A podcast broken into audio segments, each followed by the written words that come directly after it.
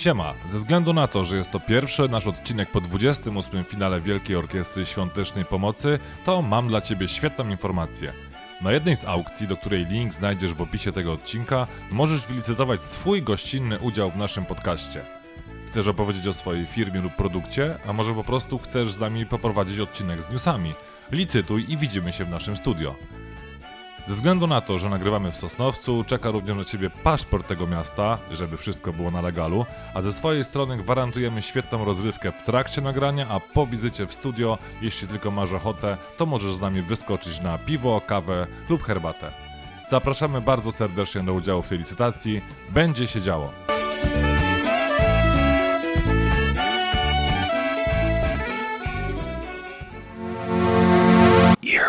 Media. Przedsiębiorcy z wyboru. Podcast dla naznaczonych biznesem. Porady, studium przypadków, nowinki, analizy, dyskusje, rozmowy, opinie.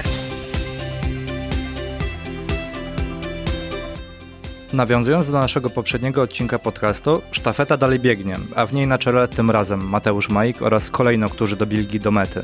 Paweł Badura, Michał Kucharski, Piotr Łysko, wielki nieobecny Mariusz Malicki oraz w związku z tym, że w ostatnich trzech odcinkach jeszcze nie mieliśmy gości, e, czas najwyższy na gościa, a dla Was tym razem specjalnie dwóch gości w studio w postaci Magda Żak i Michał Rodak. Jakbyście mogli coś więcej o sobie powiedzieć w kilku słowach, czym się zajmujecie, skąd dzisiejsza wizyta? Razem organizujemy wyprawy konne.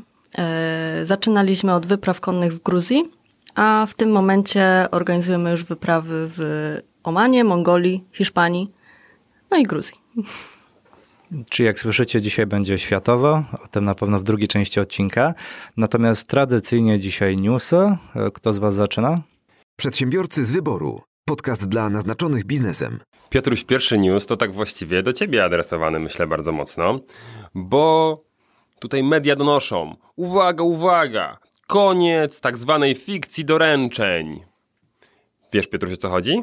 Mm, wiem o co chodzi y, z fikcją doręczeń, ale nie wiem dlaczego mówisz, że koniec z nią. Ale nawiązujesz do Poczty Polskiej znowu? E, po, poniekąd. Mówisz o, o tym, jak chcesz wysłać na przykład na całodobowej poczcie o 22? Nie, nie, nie, nie, to było w poprzednim, e, e, w poprzednim odcinku. E, chodzi o to, że jeśli dostajemy list sądu i dwa razy zostanie on awizowany, tak, i się go nie odbierze, to mm, poprawnie Piotrze, jeśli się mylę, ale no to uznaje się, uznawało się do tej pory, że list został doręczony. Dokładnie tak. I to była ta fikcja doręczeń. Tak. A teraz następują zmiany w prawie i po takiej sytuacji, jak dwa razy nam poczta nie dostarczy listu, takim doręczeniem zajmie się, uwaga, komornik, który będzie miał no, troszkę rozszerzony zakres y, y, możliwości działań w stosunku do Poczty Polskiej. Także możliwe, że komornicy staną się listonoszami. A żeby było ciekawiej, y, to dokładnie wczoraj w mojej kancelarii miałem taką sytuację, w której sąd e, przysłał mi pismo e, i powiedział, że należy właśnie e, doręczyć przez komornika. Dwukrotnie nie udało się doręczyć do pozwanego i właśnie mam, przeżywam to, o czym teraz powiedziałeś. I dokładnie przykład z wczoraj. Także zobaczymy, jak to będzie wyglądało. Takie doręczenie kosztuje, trzeba oczywiście zapłacić zaliczkę, około 125 zł. Okay. E, także, także no jest to na pewno drogi kurier. Oj tam, oj tam. Pomysł, no jak, jak, Poczta Polska zgubi po... dokumenty, to potrafią być droższe. Ale po to przecież kończyło się pięcioletnie studia i ponad dwuletnią aplikację, żeby nosić teraz paczki, prawda? Pozdrawiam wszystkich moich kolegów komorników. Tak. Dobrze rozumiem, że do tej pory wyglądało to w ten sposób, że jeśli wysłało do sądu poszły te, mm, te listy, prawda, i one zostały niedoręczane, to potem proces normalnie się toczył tak domyślnie, że dana osoba dostała listy? Tak. Czyli można było być, mieć wyrok, ale nie o tym nie wiedzieć na przykład. Bardzo często tak wyglądało, szczególnie jeżeli na przykład ktoś yy, opuścił kraj. Ja miałem taki przypadek, że yy, mój klient wrócił kiedyś z Niemiec do Polski. E, na zdrowie. Dziękuję.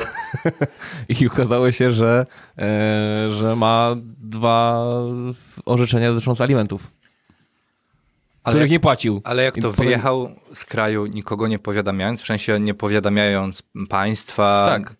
swoich dzieci, swoich dzieci, rodziny, żony, kochanki. No wiesz, problem polega na tym, że y, byłą żonę poinformował, tylko że ona nie będzie się bawiła, znaczy, jeszcze skądinąd słusznie, nie będzie się bawiła w szukanie adresu, na jak jej nie podał konkretnego adresu, więc wysyłała na adres, który był w Polsce cały czas. No i Na adres mailowy.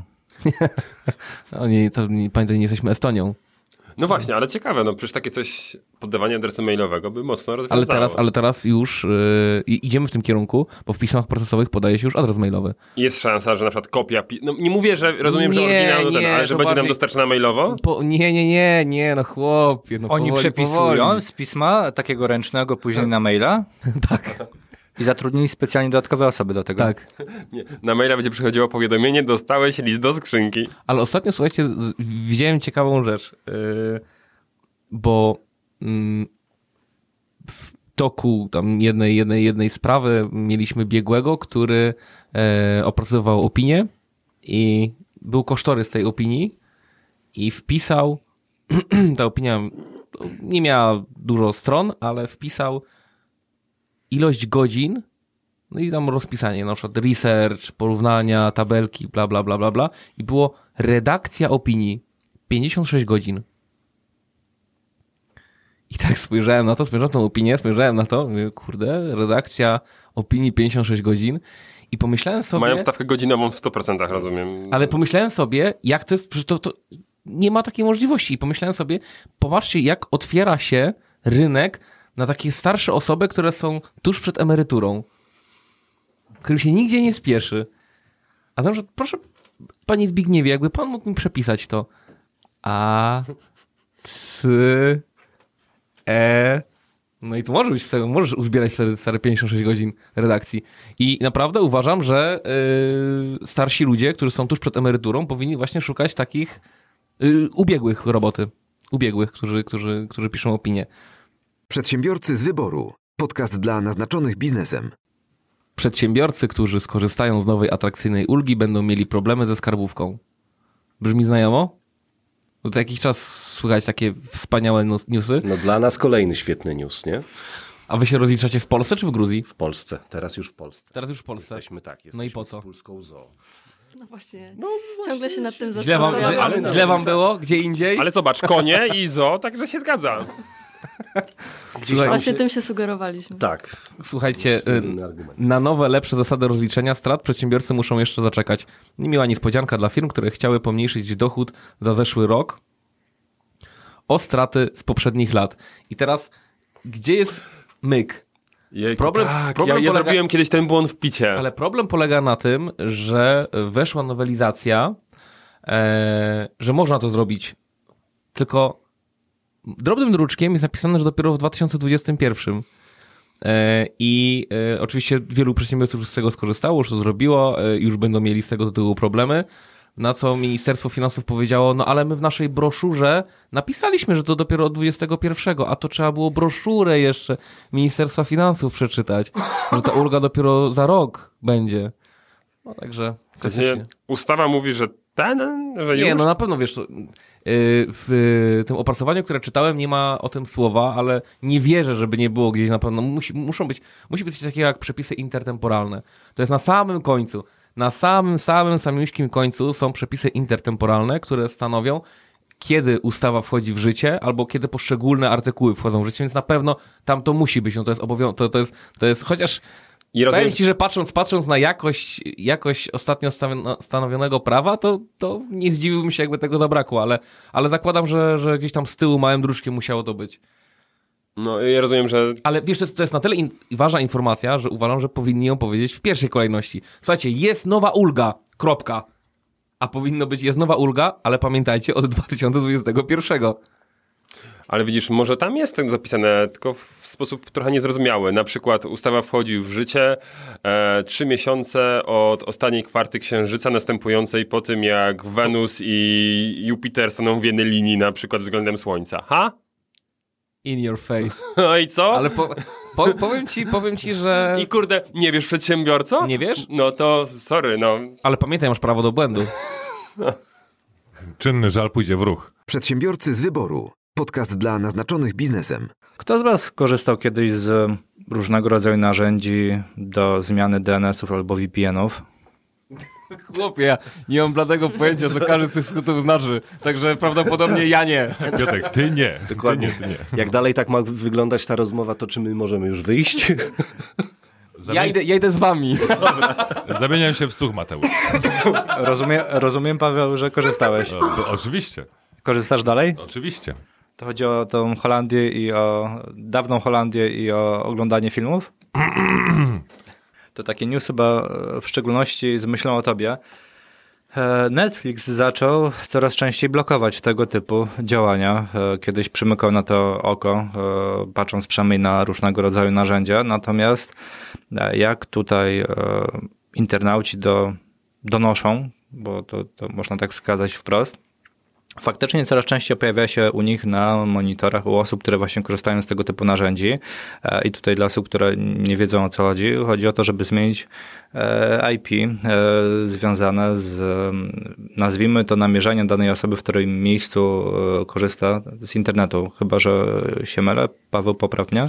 Nie, Między innymi do tego, tak? Bo to VPN-y są do przeróżnych rzeczy, ale no najczęściej taki cywilny sposób korzystania z VPN-u to właśnie, żeby pokazać serwisowi, stronie internetowej, serwerowi, z którego korzystamy, że jesteśmy w danym miejscu przyjaznym bardziej dla tego serwera niż tym, gdzie jesteśmy fizycznie. Ale to y, VPN-y jeszcze bardzo są dobre, jeśli chodzi o, o bezpieczeństwo, tak? Żeby nas nie nie śledzono, żebyśmy sobie ten ruch filtrowali, no ale, ale tak, w głównym za założeniu e, takim najczęściej stosowanym e, przez internautów to jest to, żeby oszukać swoją prawdziwą lokalizację. No właśnie, i bardzo dużo osób korzystało właśnie z tego typu, e, nazwijmy to obejścia, żeby korzystać z innych, e, innych e, zasobów, na przykład Netflixa czy innych fir e, firm związanych z VOD, ponieważ jak dobrze wiecie, albo i nie, dużo osób korzysta z tego typu właśnie narzędzi, żeby mieć dodatkowe dojścia do innych źródeł, nazwijmy to, filmów czy seriali, ponieważ w Polsce są inne, inne są w Stanach Zjednoczonych, To przepraszam, że ci wejdę w słowo, albo żeby po prostu w ogóle móc obejrzeć jakiś serial, bo my mieliśmy podobną sytuację w, będąc w Gruzji, gdzie siedzimy pół roku i akurat na Chcieliście zobaczyć wiadomości TVP, a tu się nie da. Powiem ci lepiej, chciałem obejrzeć ostatni y, Korony sezon gry, Królów. gry, Kor- Korony Królów, a później Gry o Tron. I nie mogłem, ponieważ HBO wyświetliło mi informację, że niestety znajduje się poza naszym zasięgiem. Tak? A nie miałem opcji premium, także i nie miałem możliwości wykupienia jej, już będąc poza granicami Polski. Także musiałem czekać do powrotu do kraju i żałowałem. I płakać. I płakać. No właśnie, pytanie nawet, czy jakbyś miał wersję tą premium, to czy ona byłaby dostępna na terytorium Gruzji, jeśli byś faktycznie nie miał tego, e, nazwijmy to, e, narzędzia do zmiany VPN. No myślę, myślę, że, że, że, że również mogłoby nie działać. No właśnie, no i Netflix, tak jak tutaj wskazałem, zaczął faktycznie ścigać tego typu osoby. E, Jak ty już, już wcześniej sprawdzał mm, nad Wisłą, w momencie, kiedy jeszcze nie był dostępny, bardzo dużo osób korzystało z Netflixa, e, miało wykupione konta na zagranicznych e, serwerach e, z, zagranicznymi, e, z zagranicznym dostępem do różnego rodzaju źródeł i w chwili obecnej pojawia się otóż taki typ, komunikatu. Oj, coś poszło nie tak błąd przesyłania strumieniowego. Wygląda na to, że korzystasz z narzędzia odblokowującego lub z połączenia proxy. Wyłącz tą usługę i spróbuj ponownie. Aby uzyskać pomoc, odwiedź stronę netflix.com łamane na proxy. Czyli jak widzicie, no, najprawdopodobniej, jeśli korzystacie z tego typu e, narzędzi, e, no, będą one coraz częściej ścigane i pytanie, czy warto dalej wykorzystywać właśnie e, przekierowanie do oglądania filmów VOD. E, Tutaj jedynie taka też dygresja z mojej strony i też faktycznie internauci mają rację, że bardzo dużo osób pod bezpieczeństwo tak naprawdę korzysta e, z tego typu przekierowań, e, czyli no, jeśli nawet korzystamy patrząc tylko i wyłącznie na kwestię bezpieczeństwa, to jeśli mamy mm, wykupione różnego rodzaju abonamenty w serwisach VOD, no to musimy je na początku wyłączyć, żeby móc z nich korzystać. Czy to jeszcze jest kwestia taka, że Netflix na samym początku w ogóle sam zachęcał do tego, że, czy może nie tyle zachęcał, co mm, Przymykał oko? przymykał oko i gdzieś tam w, na Twitterze parę razy mówił właśnie, że ileś tam użytkowników korzysta z, z VPN-a, ale to było w momencie, kiedy oni jeszcze nie byli nasyceni globalnie, czyli jeszcze nie byli we wszystkich krajach, których e, chcieli być.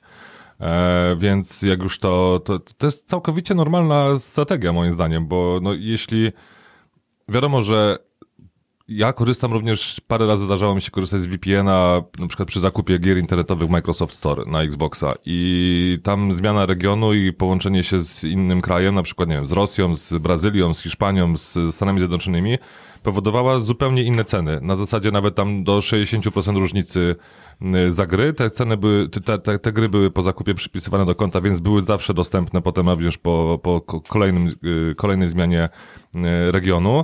E, No ale to jest takie, no, powiedzmy, że średnio uczciwe, tak? Po, pod tym względem. Fakt, że często w Polsce gry są bardzo rzadko przyceniane, czy teraz już coraz częściej, ale jakiś czas temu były e, rzadziej przyceniane. Natomiast jeśli chodzi o Netflixa, no to też zależy im na tym, żeby e, płacić tą kwotę, która jest przewidziana dla danego kraju, ze względu na to, że mają też dużo rodzimych produkcji i te kwoty właśnie finansują te, te produkcje.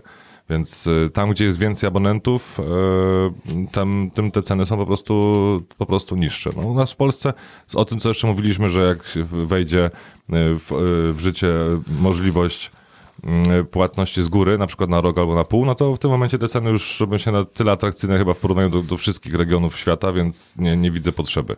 Ale mi się umiał, że ja ten sam problem. Znaczy jak zaczęliście oczywiście po ludzku mówić, ja wiedziałem o co chodzi, bo tam wcześniej jakieś strata tata VPN, to e, byłem w Indonezji, też nie mogłem odpalić, już nie pamiętam czego, e, ale, ale Pornhuba pewnie. e, no. Dobra, jak jesteśmy przy temacie, O, Odcinek bez Pornhuba odcinkiem straconym. no to poniekąd bez Pornhuba, bo To wiem... druga część Wiedźmina wyszła? E, Nie, nie, nie, bowiem jest taki już. serwis zaprzyjaźniony, e, a raczej może chyba był, nazywał się Girls Do Porn. Jak... Duporn. Tak, do porn. Girl Du- do porn! który reklamował się tym, że są tam amatorki, które zdecydowały się na jednokrotne nagranie. Brawo. Brawo. E, I tutaj właśnie Czekaj, czekaj, te, bo googlujemy.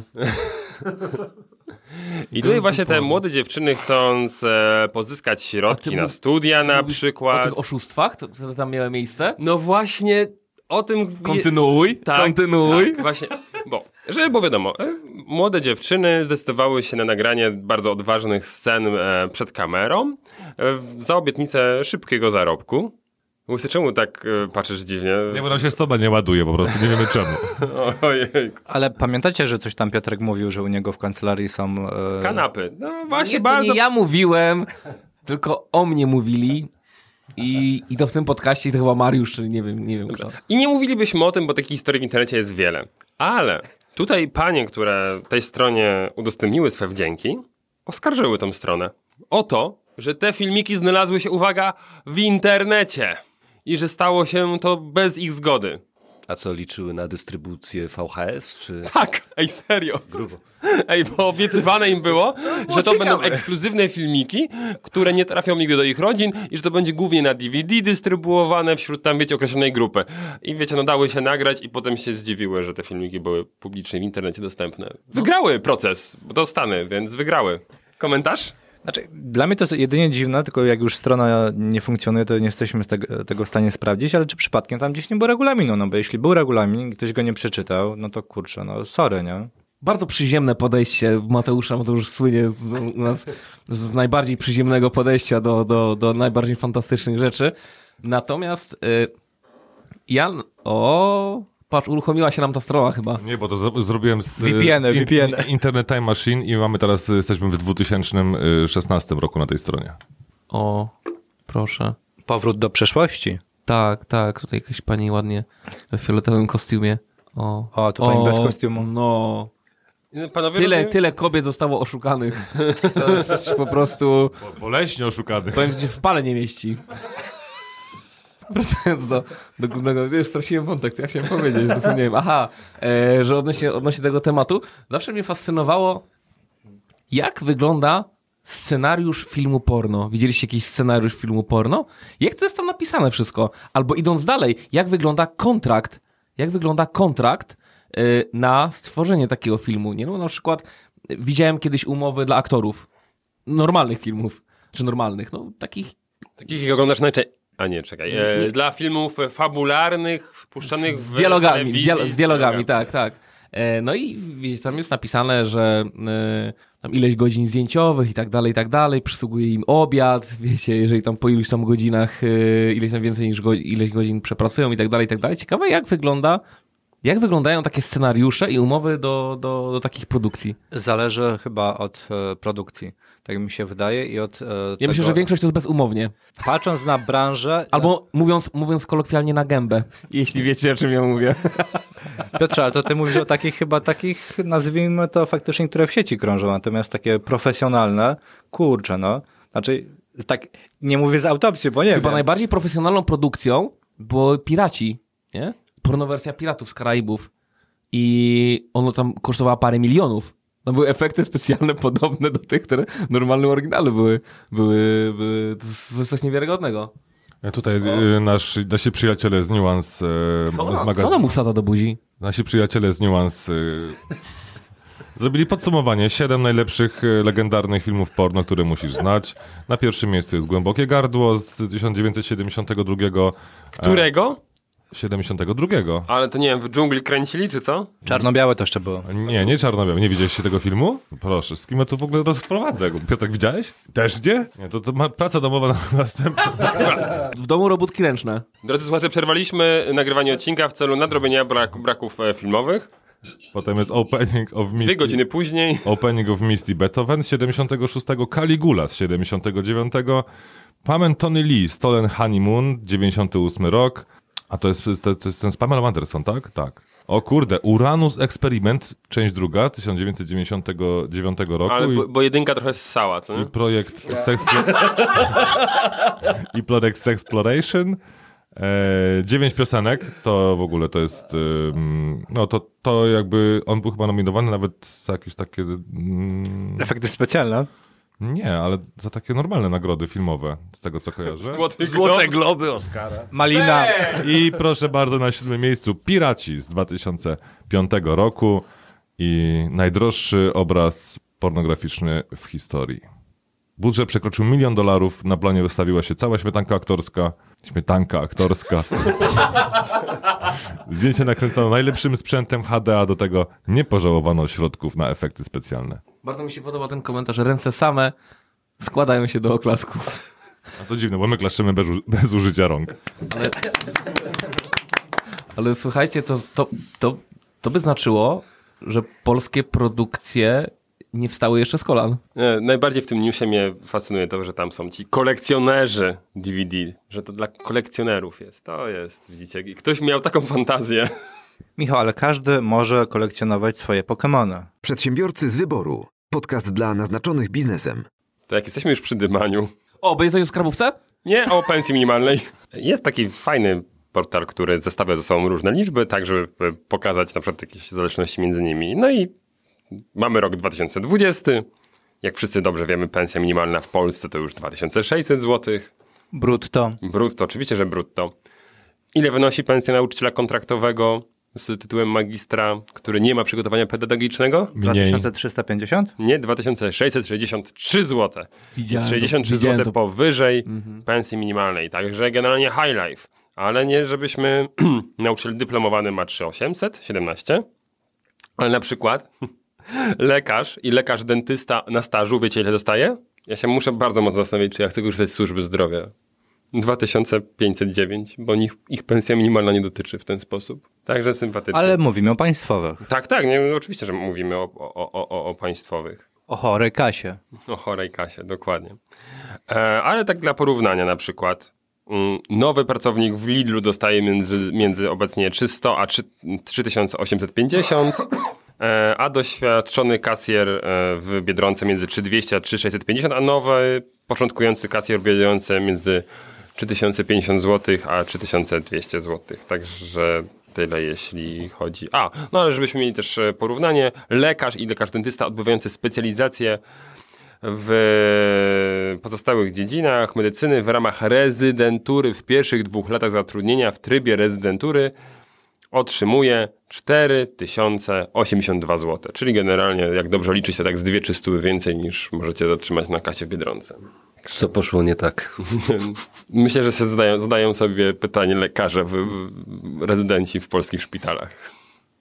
Także takie a propos dymania i ciekawych liczb. Były liczby w newsie, także. Przedsiębiorcy z wyboru. Podcast dla naznaczonych biznesem. Poza anteną, jak rozmawialiśmy z naszymi gośćmi, to mówili, że za niedługo się wybierają do Warszawy, prawda? No tak jakoś się składa. No właśnie, wybieracie się autem, czy wybieracie się pociągiem? Znaczy jak nam auto odpali, to pewnie autem. Okej, e, to gdybyście korzystali z publicznych parkingów, to uważajcie. Dlaczego? Zarząd Dróg Mi- Miejskich w Warszawie zakupił dwa auta. Chyba taki trend jest, bo i policja kupiła nowe auta, to ZDM również stwierdził, że kupuje dwa auta. Mówimy tutaj o dwóch Nissanach. Mm, I tak jak dobrze pamiętacie, kiedyś jeździły po Polsce i po świecie takie auta, gdzie były kamery, zwykle to było obklejone e, Googlem. E, tym razem to będą auta właśnie Z, ZDM-u, które będą weryfikowały, czy dana osoba zapłaciła za parking.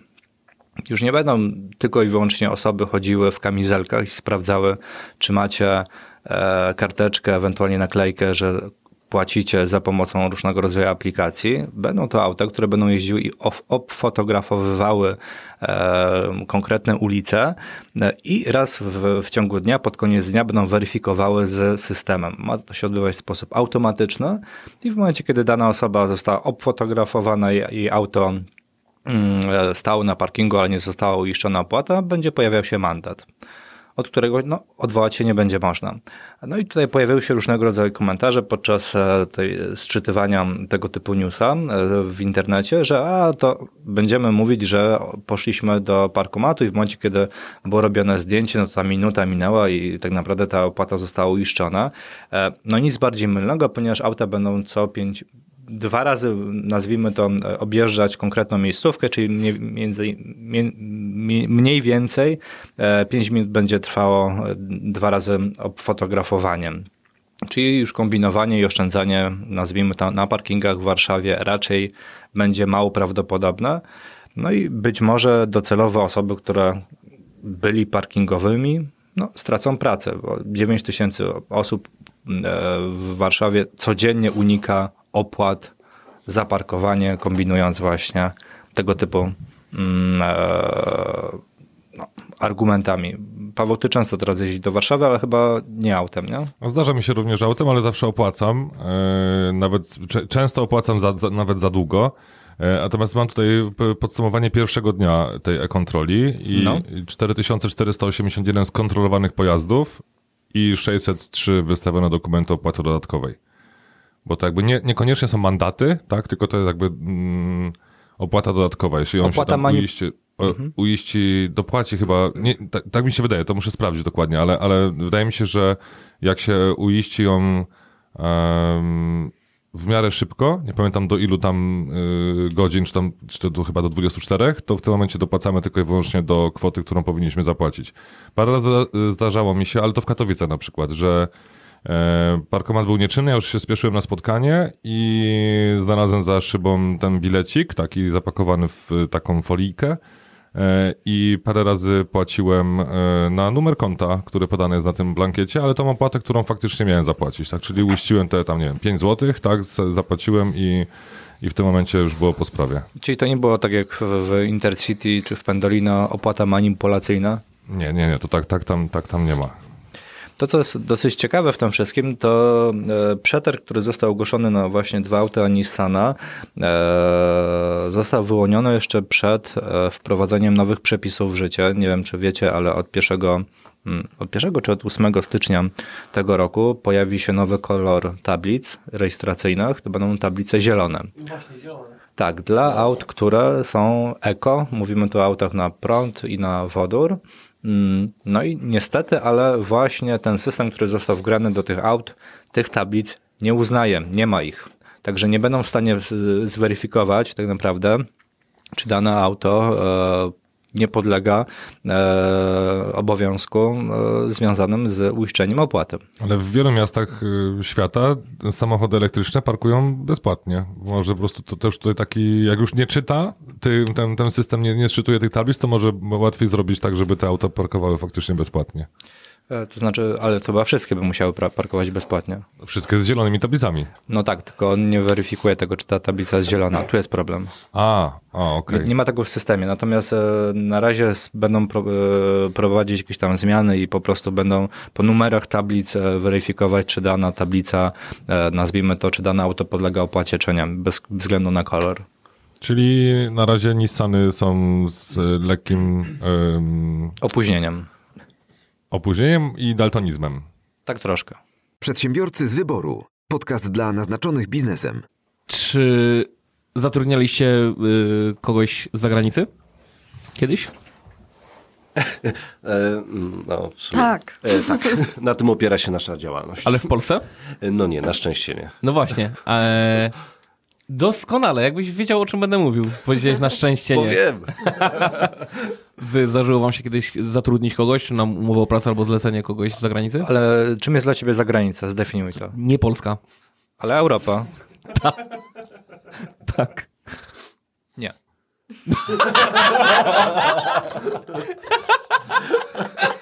Ja raz zatrudniałem kogoś e, z, ze Śląska. To ja kontynuuję news. A Wybrzeże Kości Słonowej wchodzi w grę? Polska, polskie prawo nie ułatwia... dla Polaków. Polska dla Polaków, ziemia dla ziemniaków. Polska... Księża na księżyc. Polskie prawo nie ułatwia zatrudnienia imigrantów, a zmiany utknęły. W 2020 Europę czeka wzmożona walka o pracowników z zagranicy. No i e, dane pokazują, że jest u nas bardzo dużo e, pracowników z zagranicy. Oficjalne dane mówią o pół miliona, pół milionie pracowników, głównie z Ukrainy, Białorusi. Ale tutaj ciekawe, wiecie, jest trzeci najczę- najczęściej pojawiający się kraj? No pewnie Gruzja. No, Azja pewnie jakaś. Chiny, Tajwan. Niemcy. O, No, nie mi spłakał, jak przyjeżdżał do pracy.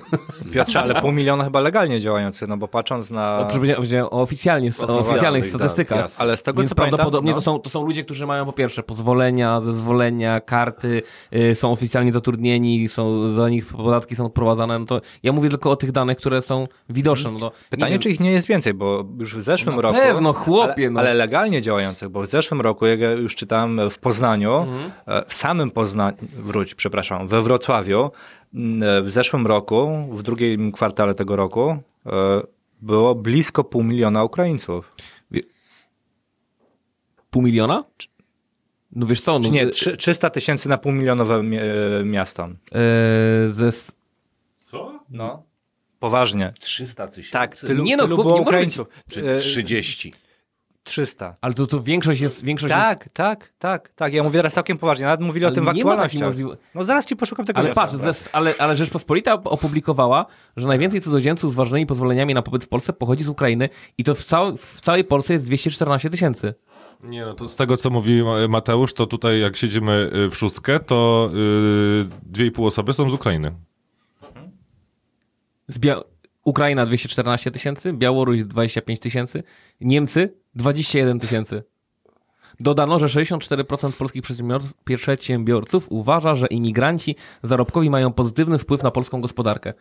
Ja w sumie też tak uważam. Nie mam nic przeciwko yy, dawaniu pracy osobom z zagranicy. Natomiast do, o, o, o czym chcę powiedzieć?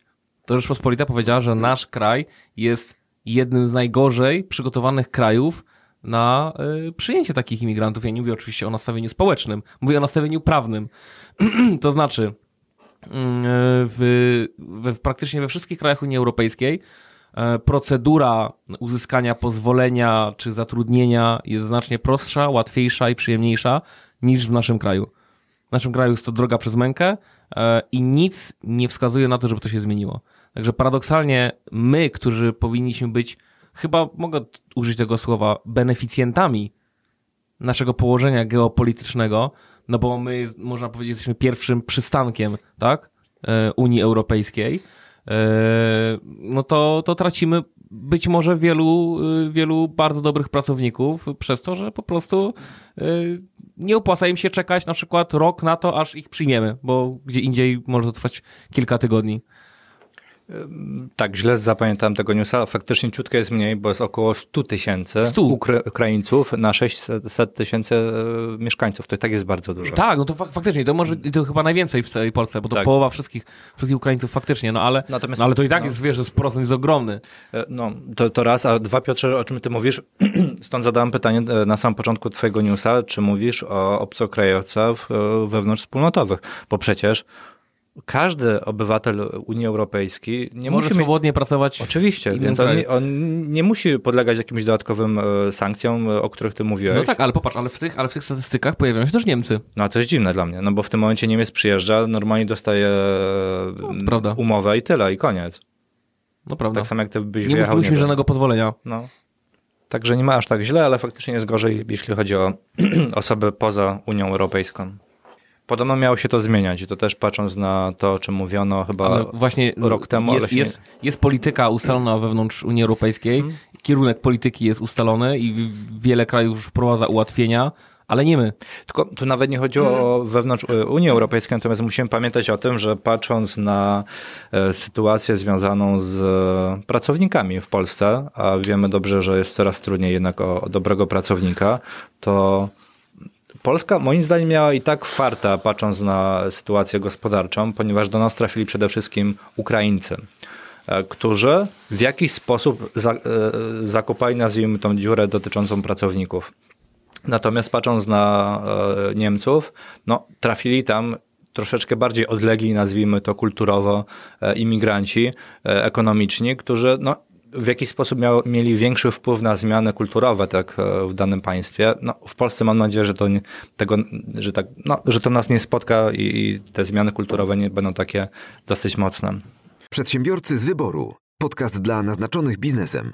To ja jeszcze tak w ramach, że mamy da- dalej mm, początkowo roczny odcinek, mam taki ranking największych kryzysów wizerunkowych w Polsce w 2019 roku i o tyle to jest ciekawe badanie, że wzięło w nich e, udział e, 108 rzeczników, dyrektorów i menadżerów e, firm związanych z public relations. Na I- którym miejscu jesteśmy jako ale podcast? Spokojnie, nie, nie jesteśmy, ale właśnie a propos podcastu naszego, to dużo z tych e, kryzysów, które są tutaj w rankingach, w tym rankingu przedstawionych, jest e, omawianych przez nas w poprzednim roku w, w ramach naszych audycji.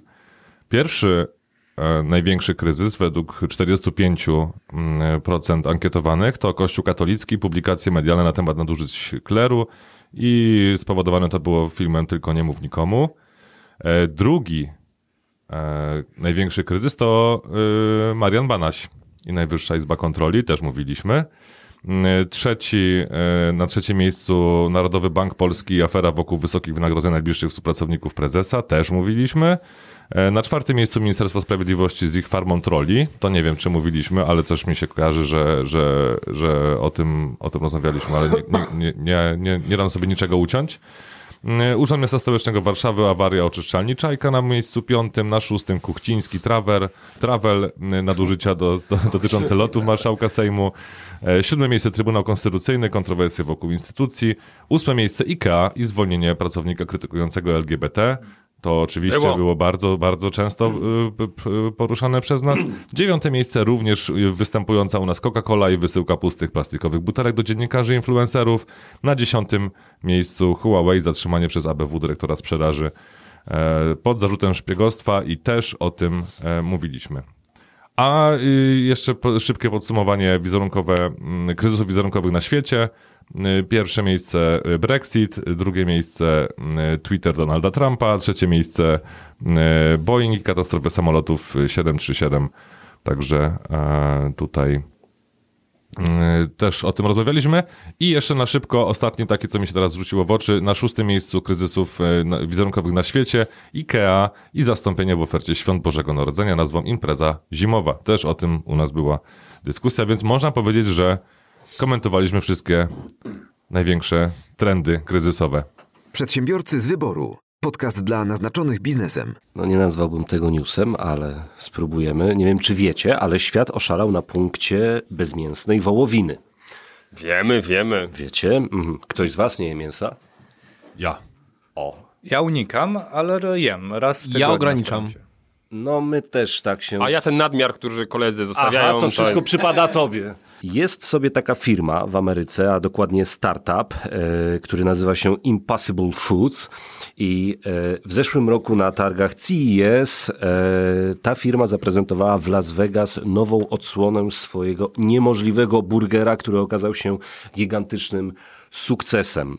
E, I ta firma wprowadziła, mm, wprowadziła na rynek właśnie swój nowy produkt, czyli Impossible Pork czyli nie, niemożliwą e, wieprzowinę, w której nie ma ani grama mięsa. No i chwalą się, że e, zawojują rynek. I mm, firma ta pokłada w nowych produktach ogromne nadzieje gdyż wieprzowina jest e, tutaj według statystyk najpopularniejszym rodzajem mięsa na świecie i według danych ONZ w 2012 roku stanowiła ponad 36% zjadanego na całym globie mięsa, podczas gdy wołowina to jedyne 22,2%.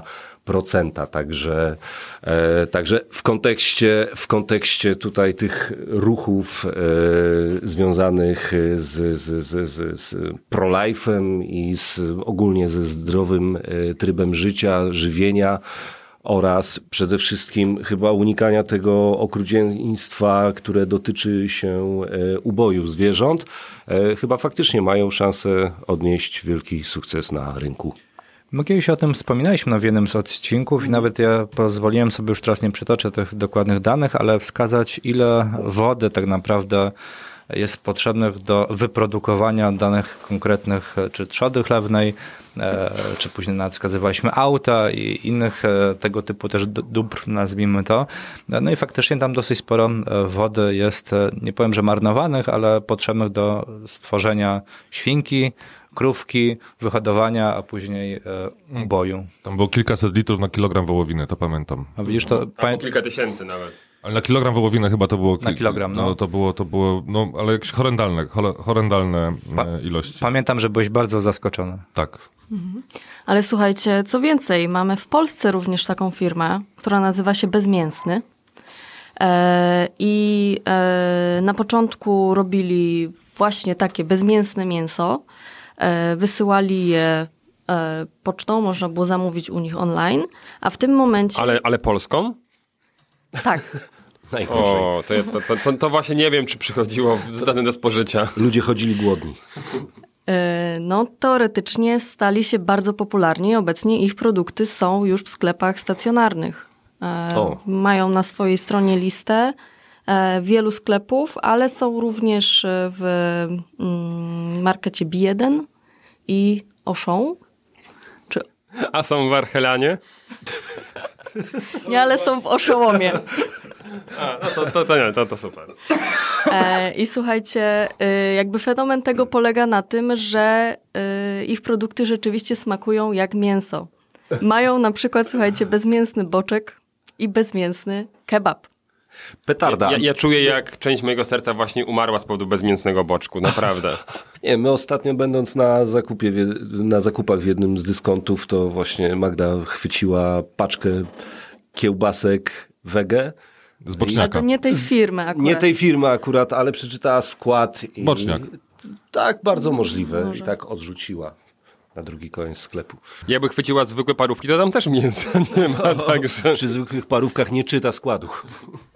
Po prostu wie, jaki tam Słusznie, jest słusznie. Dla zdrowia też... psychicznego to zdecydowanie. Tak. Ale bo cały czas mówimy tutaj o produktach bezmięsnych, tak. a ja y, gdzieś kątem, przy, przyznaję, że kątem ucha y, bo nie oglądam telewizji, ale, ale znajdowałem się w pomieszczeniu z telewizją, gdzie było National Geographic albo Discovery Channel, nie pamiętam.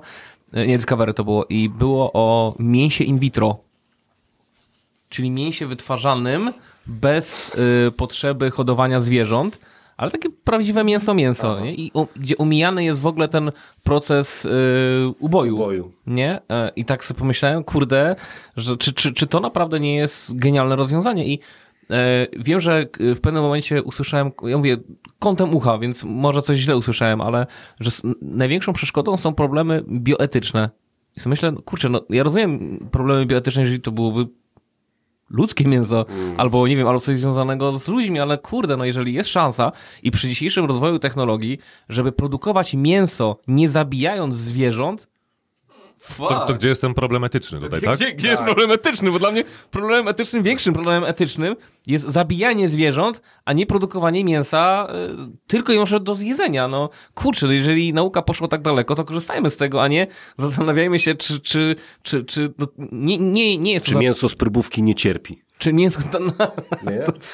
nie, czy, czy oni w ogóle zastanawiali się, czy to nie jest właśnie zabawa w Boga, produkowanie y, mięsa, które nie żyje, czy, czy, czy nie wiem, no No na pewno lepszą zabawą w Boga jest rażenie pałką elektryczną tak, świnki. albo, nie? Przed albo, śmie- albo, przed albo, albo produkowanie takiej ilości kurczaczków, które nawet nigdy nie chodziły, nie? Tak, tak. Bo no, a, No, masakra. A, no, tak, tak czy inaczej, e, myślę, że jest też szansa, e, nie chciałbym rezygnować z mięsa, ale gdyby była taka możliwość, to właśnie tu, tu bym upatrywał szansę, nie? Kurczę, takie mięso, mięso in vitro. Mhm. Ciekawe. Czy jak usłyszałem nazwę, to mnie, wow, taki, tak pomyślałem sobie, kurde, e, Trochę za grubo. no, no, może, może trochę za grubo, ale jak usłyszałem, no to wiesz, bo okazuje się, że in vitro no to, to po prostu jest pewien e, rodzaj jakiś mm, hasło naukowe, nie? Które, które ma bardzo szerokie spektrum. Też się dowiedziałem w ogóle, w ogóle z tego. No, ale kojarzony jest z jednym, nie? Poczekaj, pójdziesz na niedzielną mszę, to dostaniesz informację, że będziesz grzeszył w momencie, kiedy będziesz jadł tego typu mięso. Chłopie, a będę je tylko w piątek. Tak też sądziłem. To tylko rybkę. A że rybka lubi pływać. A przy piątku to już w ogóle? Chlup, chlup, chlup. No, ale to, to teraz y, Lidl jakiś czas temu, parę dni temu dosłownie, ja tego jeszcze nie próbowałem, ale oczywiście kreacja na Facebooku Lidla jest jak zawsze genialna i z, y, przedstawili niemięsnego y, Jeża. jeża, tak? Znaczy niemięsny jeż, przez esz jak jesz, że od zjesz, ty go zjesz, ty go zjesz, 27% białka, 100% natury, czyli niemięsny burger roślinny, zdrowa i przyjazna środowisku, a jednocześnie porządna dawka kalorii na obiad czy na kolację. E, Ja sobie e, ch- chwalę, czy nie brakuje mi mięsa e, w ogóle. Ja nigdy nie byłem fanem tego, że ktoś mówił, że je na przykład pasztet z fasoli albo kiełbaski tam z czegoś. Ja mam, ja nawet mam dalej chyba taki lekki problem z tym, że ktoś potrawy mięsne w jakby, jakby formie, no to też o tym mówiliśmy już w którymś od- odcinku. Niekoniecznie mnie przemawia pasztet z fasoli, ale jakby bo nie wiem, pasta z fasoli, to, to, bo to jest dobre, tak? Tylko czemu to się nazywa pasztet? Czemu to jest określone mianem pasztetu na tej zasadzie? Natomiast teraz naprawdę nie ma problemu żadnego w, w knajpach, w restauracjach, żeby, żeby zjeść coś bez mięsa. Nawet w burgerowniach pojawiają się właśnie burgery na bazie roślinnej. Są nawet e, Beyond Burger chyba jest ta, ta, ta firma się nazywa, to jest nawet można sobie zamówić e, w restauracji burgera roślinnego, który krwawi sokiem z buraka, tak, bo jest średnio wysmażony na przykład. A jadłeś kiedyś wegesmalec? Bo coś takiego też widziałem na pewno. Tak, jadłem. To też z fasoli chyba jest na bazie fasoli. Natomiast jadłem. Jak, spoko? y, Spoko. Spoko. Ja robię zarąbisty smalec z fasoli, polecam. Ogólnie zapraszam. Tylko Czemu to smalec jest, nie? To jest pasta z fasoli, tak? No to... Twoja, świnia się nazywa fasola? Przedsiębiorcy z wyboru. Podcast dla naznaczonych biznesem. Dobra, jak zostajemy przy takich e, proekologicznych tematach, em, to moi studenci podesłali mi pewien pomysł na biznes, e, który jest realizowany właściwie. Ja się dowiedziałem o nim już co prawda po świętach, ale uważam, że jest genialny. Nazywa się wypożyczanie choinki. Słyszeliście o tym? Tak, bardzo popularne i nawet marki samochodowe. Y, W zeszłym roku na pewno Volvo, w tym roku również chyba grupa Volkswagen e, y, pożyczała choinki i oddawała kaucję, jak się zwróciło tam w pierwszym tygodniu stycznia do salonu z powrotem. A co ma to wspólnego z motoryzacją? No nie, ale to nie ma nic wspólnego z motoryzacją, natomiast no, pokazuje jakby dbanie o środowisko, tak? No, grupa Volkswagen miała pewną, nie taką małą aż w topę, jeśli chodzi o ich zanieczyszczenie powietrza przez ich samochody jakby tam machlojki testowe, no a Volvo zawsze słynęło z y, pro-konsumenckiej, pro-bezpieczeństwu e, pasażerów i, i, i uczestników ruchu drogowego, no i również dbają o, o naturę, więc w ten sposób też chcą się do tego chyba przyczynić. I co, na tych choinkach była metka Made in China? Nie. To nie były takie zapachowe, chcę Nie, to się nie, upewnić, nie, to które Wunderbar. możesz sobie powiesić w domu. Nie, ale temat jest ogólnie świetny. E, Wykopuję choinkę, tak? Wykopuję choinkę. Na dwa tygodnie do domu, to jest ważne, że tylko na dwa tygodnie, bo to jest taki czas, jak Wtedy nie choinka... umiera jeszcze. Tak, dokładnie, że jeszcze, ona się jeszcze nie zorientuje, że coś się stało tak naprawdę złego, o ile nie będzie w tym domu jakoś super gorąco i z powrotem po dwóch tygodniach do ziemi. Mm, Także temat całkiem, całkiem sympatyczny i myślę, że akcję możemy promować przed y, następnymi świętami. Ja bym wolał promować akcję, żeby nie mieć choinki. O. Znaczy, Nawet Wunderbar. No nie no, okej, zapachowa to spoko, nie? Ale nie no, no, no nie, ilość tego, co teraz jak się przejdziemy po, po y, osiedlach, albo już wcześniej nawet, ale teraz w tym okresie ym, y, i faktycznie koło śmietników ilość tych drzewek y, to jest przerażające. hasioków, nie śmietników. No to u ciebie hasioków, u nas śmietników, ym, y, to, to widać, że to jest, to jest przerażające, tak? A, a naprawdę, y, no okej, nie kupujmy też sztucznych choinek, ale też, no, czy sztucznych takich, wiecie, plastikowych i tak dalej, ale można sobie przyozdobić mieszkanie inaczej na święta i też jest świątecznie. Impreza świąteczna też może być spoko bez choinki. Ja widziałem fa- fajną e, choinkę bez choinki. E, na czym to polegało? W jednym z biur e, w jakichś korporacjach zrobili zdjęcie, powiesili bombki na żyłkach i one e, szły, że tak powiem, z góry e, od sufitu i były w kształcie choinki. W sensie to widać, by jakby to była choinka udekorowana, ale bez choinki. Wyglądało bardzo fajnie, minimalistycznie i bardziej ekologicznie. O, takich patentów teraz jest e, całkiem, całkiem sporo. Ty mówisz, Pawle, że to jest przerażające. Jak dla mnie bardziej przerażające jest to, jak te choinki są wyrzucane na przykład z dziesiątego piętra przez balkon. No To już wiesz, patologia patologii. Teraz Bo ktoś, my, bo ktoś myśli może, że się od razu zasadzi, że tak się wbije, że od razu się ukorzeni, nie? Jak już wpadnie tak pionowo z dziesiątego piętra, to w tym momencie jest szansa, że ona tam już zostanie na dłużej. Przedsiębiorcy z wyboru. Podcast dla naznaczonych biznesem. Czas newsów w tym odcinku dobiegł końca, natomiast e, druga część, jak pamiętacie, e, zwykle poświęcona jest naszym gościom, także teraz w 100% czas dla Was. E, powiedzcie mi w ogóle, skąd się zaczął pomysł na tego typu firmę i jakbyście mogli trochę więcej opowiedzieć o, o tym, czym się zajmujecie, no bo przy wstępie już wskazaliście, natomiast fajnie jakbyście coś więcej dodali. I czemu Gruzja? Czemu Gruzja? E, To może zacznijmy od samego początku. Mm, W ramach takiego projektu e, wolontariatu europejskiego e, wyjechałem na właśnie roczny program wolontariatu do Gruzji w 2012 roku. E, I mm, przebywając tam e, w takiej małej mieścinie e, w górach, gdzie uczyłem gruzińskie dzieciaki angielskiego po rosyjsku, na tym tak mniej więcej ten program, program polegał. No, zaczęliśmy, Magda zaczęła przyjeżdżać do mnie do Gruzji e, i zaczęliśmy szukać e, różnych, e, różnych, różnych, różnych e, opcji związanych e, właśnie z końmi, ponieważ konno jeździmy od dziecka. E, no i stało się tak, że mm, nasz znajomy zaprosił mnie do mm, takiego, do udziału w projekcie finansowanym przez polski MSZ. Projekt tyczył się rozwoju turystyki konnej w Parku Narodowym Borjomi Haragauli. Projekt e, zakładał mm, podniesienie standardów e, właśnie w zakresie tejże turystyki konnej, e, przekazanie tak w wielkim skrócie, bo to można by naprawdę godzinami gadać, e, przekazania całego know-how, jak się taki biznes koński robi w Europie, czy u nas tutaj w Polsce. I pokazania na, przyk- na przykładach, przyjechali różni specjaliści z Polski właśnie do, do, do, do Gruzinów na ten projekt i tam w ramach treningu pokazywali, w jaki sposób na przykład prawidłowo werkować, czyli strugać kopyta, podkuwać te konie, jak je prawidłowo karmić, etc., etc., etc. I ci beneficjenci gruzińscy mieli przejąć ten, powinni według idealnej wersji przejąć ten cały know-how e, i przerobić, że tak powiem, na, e, na, na, na, na tą swoją gruzińską e, rzeczywistość. No i przy tym, przy tym projekcie właśnie pra, pra, pracowaliśmy. I tak się stało, że przejęli?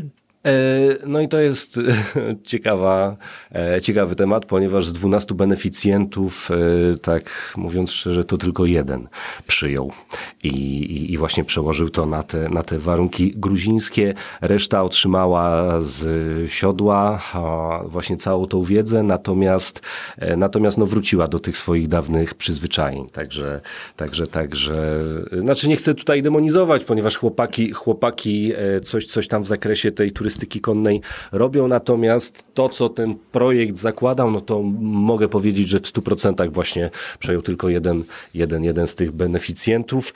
E, no i właśnie e, my się do niego udaliśmy pewnego pięknego razu z Magdą i do naszego przyjaciela obecnie, Kotego, z Bakuriani i zaproponowaliśmy mm, coś takiego, na co wpadliśmy, że mówimy, słuchaj, jakby pracowaliśmy razem tutaj przy, przy właśnie w zakresie tej, tej, tej turystyki konnej. My jeździmy od dziecka, ty masz konie, kurczę, może byśmy spróbowali coś, coś razem tutaj wykoncypować, tak? Spróbujmy, pojedźmy, może pojedziemy tam w te góry, może pojedziemy, pokaż nam jakieś trasy, może razem coś wymyślimy, no i tak krok po kroczku zaczynaliśmy ten, e, ten, ten, ten swój projekt wdrażać w życie. Miałem pytanie już, e, ale już mnie ubiegliście, czy najpierw była pasja do koni, czy firma, ale to już mamy chyba ustalone. Ale to można, to jest, to jest zawsze bardzo ciekawe, można myślę kilka słów o tym powiedzieć, że jak to, jak to wyglądało, że nie jeździmy tylko trzy lata, czy tam półtora e, roku. Tak, no każdy z nas e, jeździ od dziecka tak naprawdę. My również poznaliśmy się na, na, na koniach gdzie ja pracowałam jako instruktor, więc my doświadczenie z jeździectwem mamy już od od dziecka tak naprawdę. E, I e, uważamy, że jest to po prostu no, nie, niezbędne też, żeby, żeby taki biznes prowadzić. Jeżeli chcesz e, prowadzić taki specjalistyczny jakiś biznes, skupiać klientów, którzy no, są w tym temacie dobrzy, no to uważamy, że jednak no, trzeba reprezentować dużą wiedzę, duże doświadczenie, no żeby szczególnie w takich, że tak powiem, warunkach, tak, gdzie wyjeżdżamy często na drugi koniec świata, gdzie jesteśmy w, w górach, w dziczy, gdzie czasem nie ma zasięgu.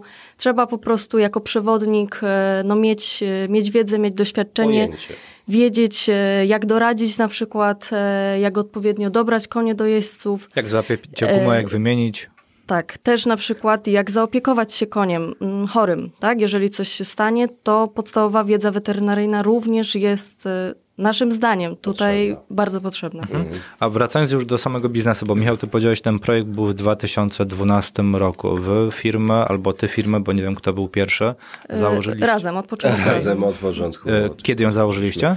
W, w Gruzji w 2014 roku, dokładnie 27 albo 29 września. Mhm. Tak, 2014 roku, czyli sezon 2015, yy, czyli pierwszym takim sezonem sezonem, gdzie faktycznie już jeździliśmy kono, no to był, to był rok.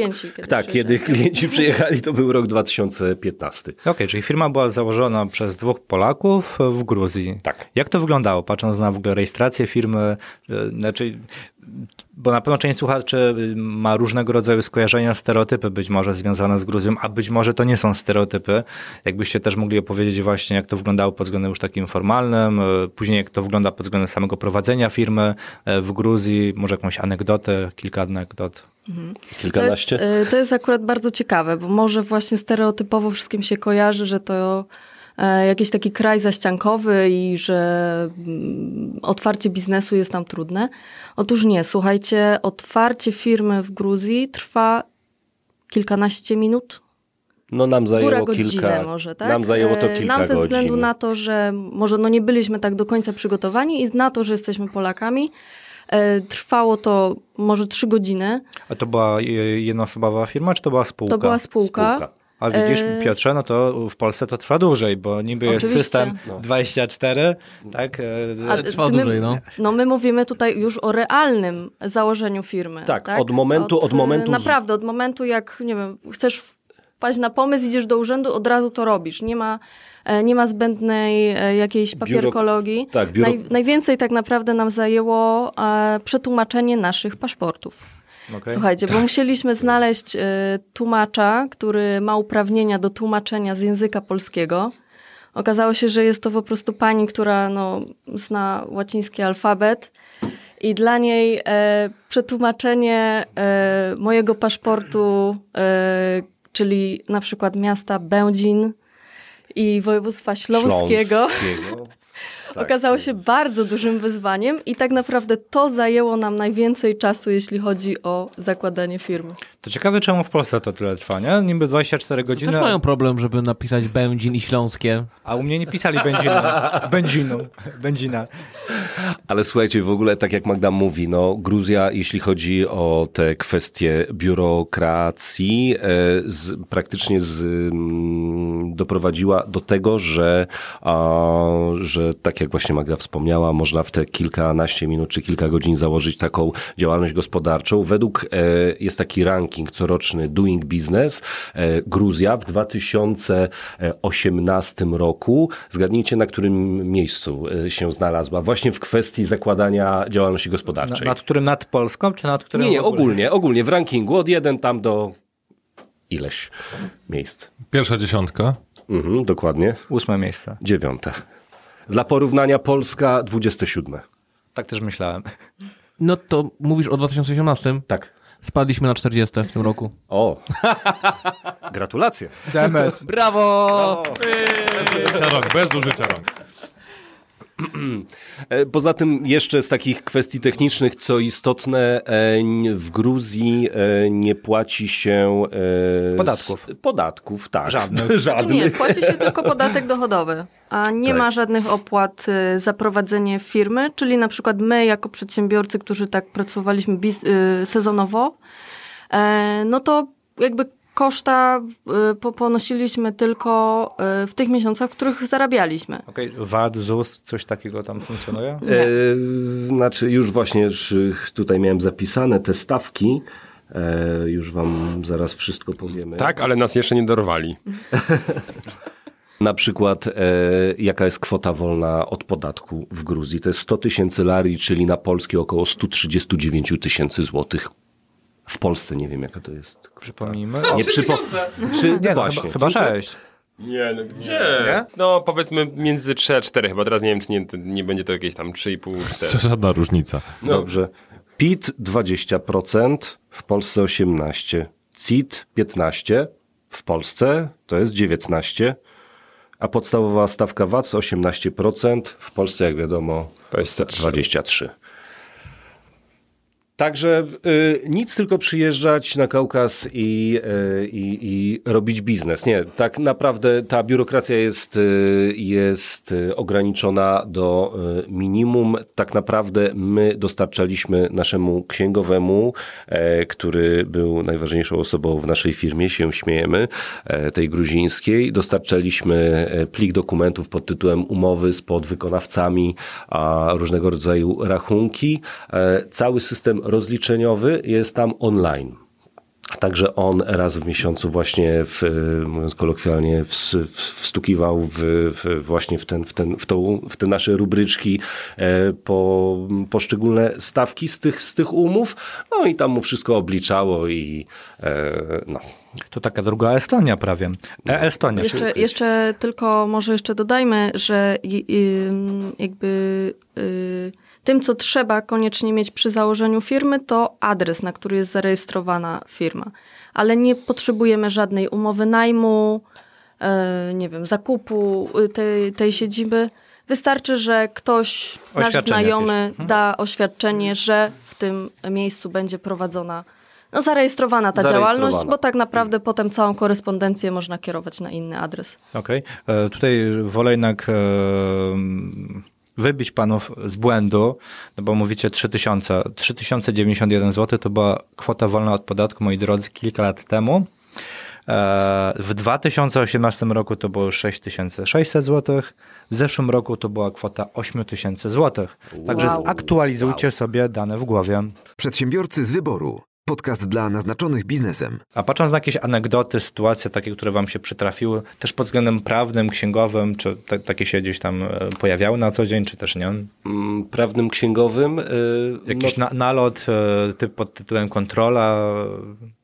Nalot od razu, no Mateusz.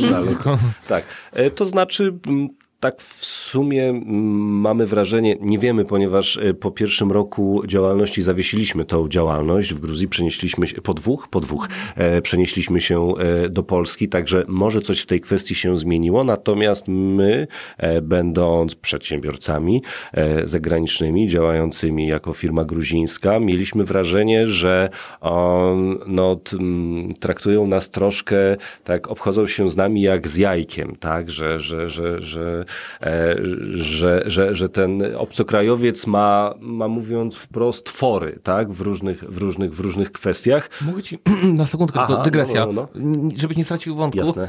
Y, bo powiedziałeś, że w, y, obchodzą się z wami jak z jajkiem. Aha. Ja mam wrażenie, że polskie urzędy skarbowe obchodzą się z nami przedsiębiorcami jak y, z pomidorami w Hiszpanii podczas tomatiny. Mogłoby tak być. Ale też miał powiedzieć, że właśnie, e, że z obcokrajowcami. Pytanie, czy z obcokrajowcami, czy nie mowa tutaj też, e, nie chcę trochę, że tak powiem, nas faworyzować jako Polaków, Mhm. ale chyba Polacy tam są w miarę dobrze traktowani, patrząc na naród taki, który przyjeżdża, nie? że lubią Polaków, albo lubili kiedyś, nie wiem jak jest teraz. Mm, Lubią, lubią, jak Lubią, najbardziej. nadal lubią. Jesteśmy bardzo dobrze traktowani przez Gruzinów. Em, bardzo często się to spotyka w takich mm, prostych sytuacjach, nawet na ulicy, tak, w taksówce. Em, kiedy dowiadują się, że nie jesteśmy Rosjanami, tylko Polakami, bo te języki jednak są bliskie i czasem niektórzy się mylą, od razu zmieniają, e, zmieniają podejście i od razu jesteś bratem, siostrą, największym przyjacielem. I rzeczywiście nie jest to sztuczne, e, bo e, no już coraz więcej osób też się o tym dowiaduje, że ta gruzińska gościnność e, istnieje i jest naprawdę taka bardzo e, sławna, się robi na cały świat, bo e, powiem wam, że w pierwszych latach, kiedy przyjeżdżaliśmy do Gruzji, mi było autentycznie przykro, bo spotykałam się z taką serdecznością z, e, ze strony Gruzinów, właśnie chociażby ze, ze względu, no przede wszystkim też ze względu na swoją narodowość, gdzie ja wracałam do Polski i mówiłam, no byłam w Gruzji. I tak no, znajomi nie do końca wiedzieli, gdzie to jest, kto tam mieszka, co, nie wiedzieli nic o tym kraju, tak? A my jesteśmy naprawdę mm, przez nich traktowani e, bardzo dobrze. To z historią chyba, z tego co pamiętam, E, mocno tak. związane. Tak, no to takie dwie, dwie kwestie. W, e, Gdy w 2008 roku a, mm, w Gruzji była wojna pięciodniowa, to był konflikt między, między, między Rosją z Ose- a Gruzją z Osetią w tle, a to wówczas e, prezydent Lech Kaczyński z innymi przywódcami przyleciał właśnie w tym czasie tej, tej, tej wojny pięciodniowej do, e, do Tbilisi, do stolicy kraju e, i tam na wiecu, na głównej arterii miasta, na Alei Rustavelego pod parlamentem dał wyraz swojego wsparcia. I mimo, że to realnie nic nie zmieniło w tamtej sytuacji, no to Gruzini bardzo to pamiętają i szanują i na każdym kroku powtarzają, że, że właśnie jako jeden z niewielu postawił się tak i stanął za nimi murem. I y, jeszcze druga taka kwestia, co mnie zaskoczyło, e, że wiele osób y, również y, zna tą historię, że e, po wojnie polsko-bolszewickiej, gdy bolszewicy przyszli e, właśnie na terytorium Zakaukazia, to, to, to no, jak to, jak to bolszewicy, tak, wycinali w pień, czy, czy wsadzali do łagrów inteligencję, tak, i, i korpusy oficerskie i Józef Piłsudski jako naczelnik państwa, e, jako je, naczelnik jedynego państwa europejskiego zaprosił e, właśnie oficerów gruzińskich z armii gruzińskiej na kontrakty E, i no tak naprawdę uratował im życie, nie? dzięki temu, że ściągnął ich, ściągnął ich y, tutaj na, na terytorium Polski i to było bodajże 114 oficerów kontraktowych, którzy walczyli później w II wojnie światowej właśnie w, w ramach Armii Polskiej. Także i nie, nie, nie, nie, nie, nierzadko e, nierzadko e, nie wracali już do kraju, tylko właśnie umierali tutaj na, na, na, na, na obczyźnie. A jeszcze a propos właśnie pary prezydenckiej, e, to musicie wiedzieć, że w wielu domach e, w Gruzini mają zdjęcia e, Lecha i Marii Kaczyńskich. E, Pomniki chyba są stawiane z tego Jest co pamiętam. pomnik w Tbilisi Lecha Kaczyńskiego i również w Batumi e, na takiej głównej alei przy morzu e, jest rondo i cała Rondo, ulica tak. chyba, tak? Czy rondo? No właśnie ja nigdy nie wiem, bo to jest, bo jest tabliczka na rondzie, a nie jest napisane, czy to jest No w każdym rondo, czy razie to jest, jest ulica. to ulica Lecha i Marii Kaczyńskiej. Whatever. No ale pa- patrząc na drugą wojnę światową, no nie bez przyczyny w końcu jeden z czterech pancernych to był Grigori, tak? Dokładnie. Więc dla mnie to jest dziwne, że Polacy w żaden sposób tego nie kojarzą. To był przecież Gruzin, tak? Tak, Przynajmniej w ten sposób to było przedstawione w filmie.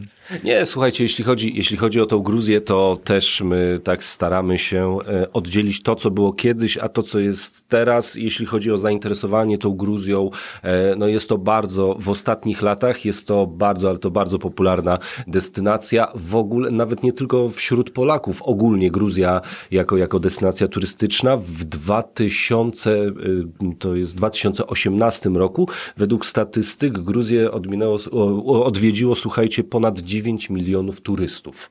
Są oficjalne statystyki. E, Sama populacja w Gruzji e, niecałe 4 miliony.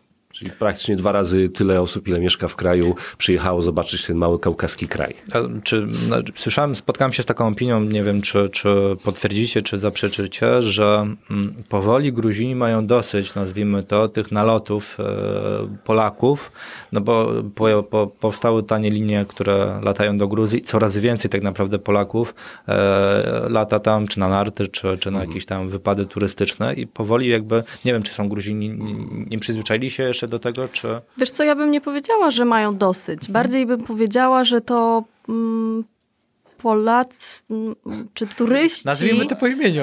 E, no. No, nie wiem właśnie jak to nazwać, dlatego że słuchajcie, mm, na forach e, e, takich związanych z, właśnie z turystyką w Gruzji pojawiają się wpisy na przykład Polaków również.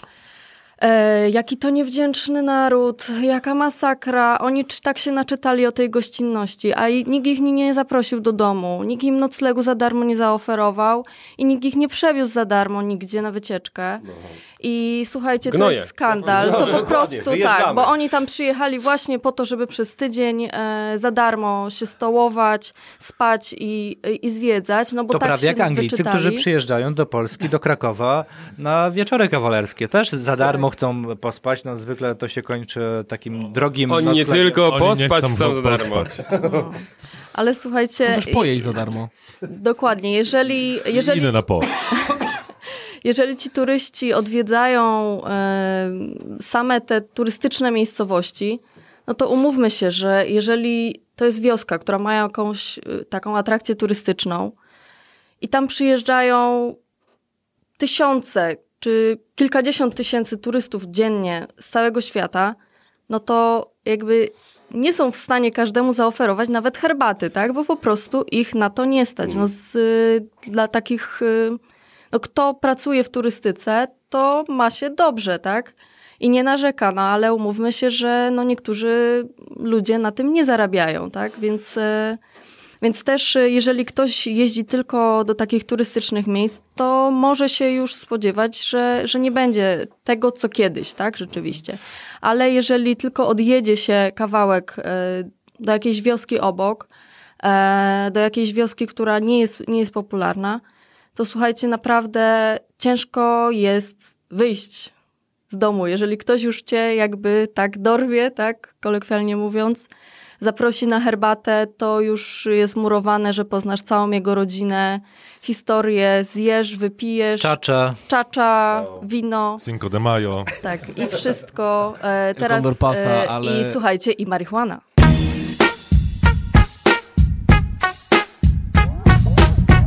Bo Od 30 maja czy 30 czerwca 2018 czy 2019? Bo mamy 2020. nie wiem, ten czas tak szybko Ten leci. czas tak szybko leci. Eee, naprawdę, spożywanie, spożywanie marihuany zostało zdepenalizowane. I Spożywanie? Może, spożywanie oraz posiadanie na użytek własny, uwaga, do teraz nie Kilograma. pamiętam, 70 gram albo do 100 gram. I chyba 3, 70 gram i bodajże 3 krzaki. A nie orientujecie się, jak można nostryfikować dyplom w Gruzji? Nie, ale specjalnie dla Ciebie możemy się tego dowiedzieć. Dobra, wiecie co, y, ja podjąłem decyzję w tym momencie. y, Jadę do Gruzji. Tak, na, na, na zawsze. Będę jeździł na koniu, palił jointy i muszę jeszcze zastanowić się, jak na tym zarabiać, ale Ale po co, ale po co? Słuchaj, to my Spójrz może już na- nie będziemy zdradzać więcej. Dokładnie, spójrz, spójrz na nas, na naszą firmę. Nie no, żartuję. E, nie, a jeszcze wracając do tego, co Magda powiedziała, wiecie, tutaj problem też moim zdaniem polega mm, przede wszystkim na takiej ogólnej, roszczeniowej postawie, którą można właśnie zaobserwować. E, nie wiem, czy wśród innych turystów niż polskich, bo z takimi rzadko mamy w sumie do czynienia, ale wydaje mi się, że tutaj masa przewodników czy książek, pseudo-podróżniczych, y, czy podróżniczych, e, również e, opiewa tą Gruzję na zasadzie e, kraj właśnie winem, mlekiem płynący, z niesamowicie gościnnymi ludźmi, tak, którzy oddadzą ci właśnie ten ostatni kawałek chleba, podzielą się z tobą tym ostatnim kawałkiem chleba, to wszystko to jest prawda. I faktycznie tak jest. I tak jak Magda mówi, pojedziesz gdzieś nie do Batumi, nie do Tbilisi, czy, czy do takich e, bardziej uczęszczanych miejsc, tylko właśnie trafisz tak jak my na przykład jeżdżąc konno. No my nie jeździmy po takich miejscach, tylko jeździmy po jakichś zapadłych w górach wioseczkach, gdzie to nie tamci miejscowi są dla nas atrakcją, tylko my jesteśmy atrak- atrakcją dla nich. Po prostu każdy, wiecie, wyciąga telefon i nagrywa, nagrywa tych szalonych Polaków, którzy jadą konno. Jeszcze 99% to kobiety, tak, na tych koniach, gdzie w Gruzji no nie jest to y, tak, tak, tak popularna y, sytuacja, żeby, żeby kobieta siedziała na koniu. Y, I i o co w ogóle chodzi, tak? Ale, ale yy, i ci ludzie, i ci ludzie faktycznie nie wymuszenie, nie pod publiczkę, nie po to, żeby z ciebie zedrzeć miliony lari, czyli lokalnej waluty, zaproszą cię pod ten dach, ale e, no ty jako gość nie możesz wychodzić e, z takiej roszczeniowej postawy, tak, że mi się coś należy, bo wy przecież jesteście tak zajebiście e, gościnnym narodem, że oto ja cały na biało, nie? Więc, więc, a czytając właśnie tak jak, tak jak tutaj Magda wspomniała, niektóre wpisy, no to to, to, to wiele osób wyjeżdżających tam e, właśnie wychodzi z takiego założenia. Oczywiście też nie chcemy generalizować i tutaj kogoś obrażać, ale no widzimy, że taka tendencja jest. Ale obrażamy. Tak. ale, ale nie chcemy, ale obrażamy. E, Piotrek, e, słuchaj, y, 16.05 17 stycznia z Warszawy jedna przesiadka 405 zł. bukuj. W jedną stronę, w jedną stronę, nie? Jedną, w jedną, w jedną, w jedną, w jedną, w jedną. I weź tam bagaż maksymalny. Ale słuchaj, Po co ci bagaż? Właśnie, nie... Po- Do, Jak w jedną stronę to nie ma sensu. do lasu się drewna nie wiezie. A, ale- Dobra, a majtki, a majtki zmie- zmieszczę w kieszeni, masz rację. Weź, weź bez bagażu w ogóle. Bez podręcznego też, bez promocja widzę. Ale czekaj, bo tutaj jest średnia, średnia ilość miejsca na nogi 76 cm. No dobra, trudno. Zwinę, ale... Y, Ta, ty zwiniesz, a, a, a, ja, a, ja, a ja se utnę. a to kupujesz dwa bilety. A to wylecicie w dwójkę, tak? Kup Mariuszowi też. Dostałem od niego SMS-a. Ja też chcę, nie mówcie mojej żonie. Yy, yy, ja też chcę napisać. Przedsiębiorcy z wyboru. Podcast dla naznaczonych biznesem. Ale słuchajcie, ciekawa, taka ciekawa sprawa. Nasz e, przyjaciel i partner biznesowy, e, Kote, który prowadzi w Kutaisi, e, hostel Kutaisi by Kote, zaraz po tym, jak właśnie Gruzja ogłosiła tą depenalizację, jako pierwszy w Gruzji, Gruzin e, ogłosił oficjalnie Green Tury, czyli śladami zielonego. Gdzie oczywiście nie jest to e, jakby głównym, e, no, głównym punktem Główną programu, atrakcją. główną atrakcją, bo oczywiście główną atrakcją jest Wiadro. Gruzji. Ja ostatnio widziałem pięknego, piękny wrzut na murze, e, że palenie marihuany prowadzi do lodówki. Też to widziałem. w Gruzji takie dobre jedzenie. Brawo.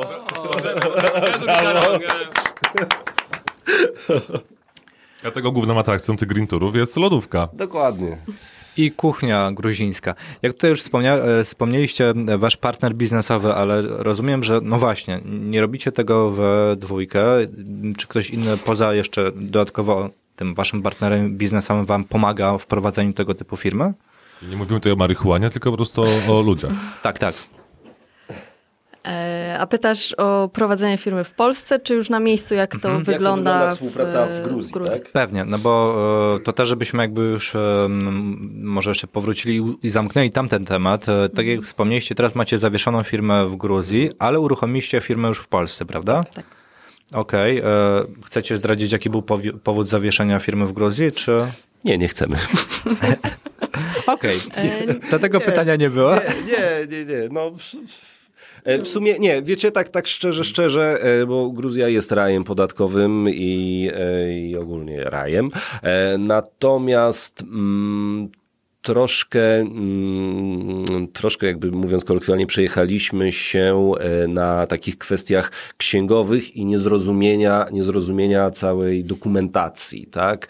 E, Czyli tak Czy nie naprawdę. przejechaliśmy Znaczy, się, po no, prostu tak naprawdę podpisywaliśmy e, rozliczenia naszego księgowego, które miało 85 lat, e, Pozdrawiamy pana Malchaza który wszystkie dokumenty były szlaczkami po gruzińskimi. gruzińsku. I przecinki także- mu się myliły? Nie, no po przecinki. Prostu chodziło o to, że podpisujesz dokument, którego nie rozumiesz zupełnie, tak? I zdajesz e, jakby się, się tylko i wyłącznie na, na jednego faceta, który, którego który nie znasz tak do ogarnia końca. i który też jest w wieku takim Że może umrzeć i co, i ty zostaniesz z tym wszystkim sam, a tych dokumentów było dużo. A Może z- nasz podcast jacyś Gruzini słuchają, po, polscy Gruzini. Także może jakiś tam księgowy by się znalazł. Może tak. Nie, słuchajcie, może też e, zależało nam na dobrym ubezpieczeniu siebie, klientów, e, co w Gruzji nie jest e, popularne. Na przykład w Mhm. Gruzji nie ma ubezpieczeń obowiązkowych samochodów. E, Więc również nie ma ubezpieczeń e, takich e, porządnych dla tak firm e, Tak. turystycznych. Tak, więc e, nam też na tym zależało, żeby być jak najbardziej też przejrzystym dla naszych klientów, żeby płatności były jak najbardziej e, proste. E, i No tyle. i to tak, i to główne, główne w sumie Ja jestem księgowym, ale pytanie, czy nie dałoby się tego w jakiś sposób powiązać, nie? No, bo macie firmę w Polsce, ta firma w Polsce zleca firmie w Gruzji jakieś tam dodatkowe usługi i tym sposobem... Wiesz co, kombinowaliśmy, kombinowaliśmy w ten sposób, ale naprawdę stwierdziliśmy, że otwierając e, spółkę ZO w Polsce e, i działając tam, że tak powiem, no właśnie i dla nas jest to mm, najzwyczajniej w świecie prostsze i tak jak Magda mówi, dla naszych klientów tak samo, także, także, także tam jest ta spółka zawieszona, a my jako, jako, jako spółka ZO Polska sobie działamy i, i nie jest źle. Tak jak wiele, wiele osób nas przestrzegało przed tym, nie, pojebani, nie otwierajcie. Sorry. Nie, nie, nie. Można? Tak, tu można. Tak, Tu dobrze. trzeba, tu trzeba. Dobrze. Bo to, to, jest bardzo, to jest bardzo dobre określenie Dobrze, ludzi, po- którzy otwierają biznes w Polsce. Dokładnie, Tak, tak. Po, tak, powtórzę. Pojebani, otwieracie, otwier, otwieracie Nasz podcast nazywa się. Pojebani z wyboru. Nie, słuchajcie, nie jest tak źle. Naprawdę nie jest tak źle. Także jak jesteś uczciwy, płacisz podatki, a podatki, jak nasz dobry znajomy powiedział nam ostatnio w Mongolii na wyprawie, podatki trzeba płacić, to jak płacisz, to jest okej. Ale y, zaraz zacząłem się zastanawiać, czy Andrzej Rosiewicz przy, przypadkiem nie myślał o Gruzji, śpiewając, czy czuje pani czacze, czy czacze pani zna. Ja pani wytłumaczę, co, zna, co znaczy cza, cza, cza. I y, to nabiera zupełnie innego znaczenia, prawda? W, w Gruzji. A powiedzcie mi, y, a wina jak? Wina to, to tam się- jedno, ale koniaki. A koniaki są zajebiste. A propos nie, bo koni. My, nie, bo my nie lubimy ten, bo my tak średnio za winami, ale, ale yy, no co, no szczery mam być. Nie, gruzińskie wina są bardzo pyszne. A koniaki, tak? Kon- Koniaki są... Koniaki, tak, koniaki bardzo. Nie, a jeśli chodzi o, o wina, to serio, serio są świetne. W ogóle y, są wyrabiane taką metodą w... Kwali.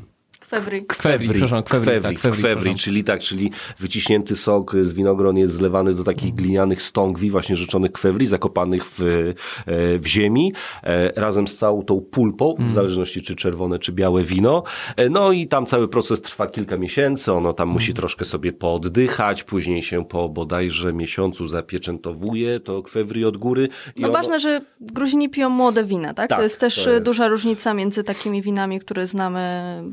Innymi. Tak, i to są wina niepasteryzowane, w sensie full, to jest full natural, po, przynajmniej według gruzińskiej metody powinien być full natural, czyli oni nie dodają cukru, nie dodają drożdży, nie dodają jakichś siarczanów, nie dodają wody, e, wszystko to się dzieje w tej glinie samo. Nie?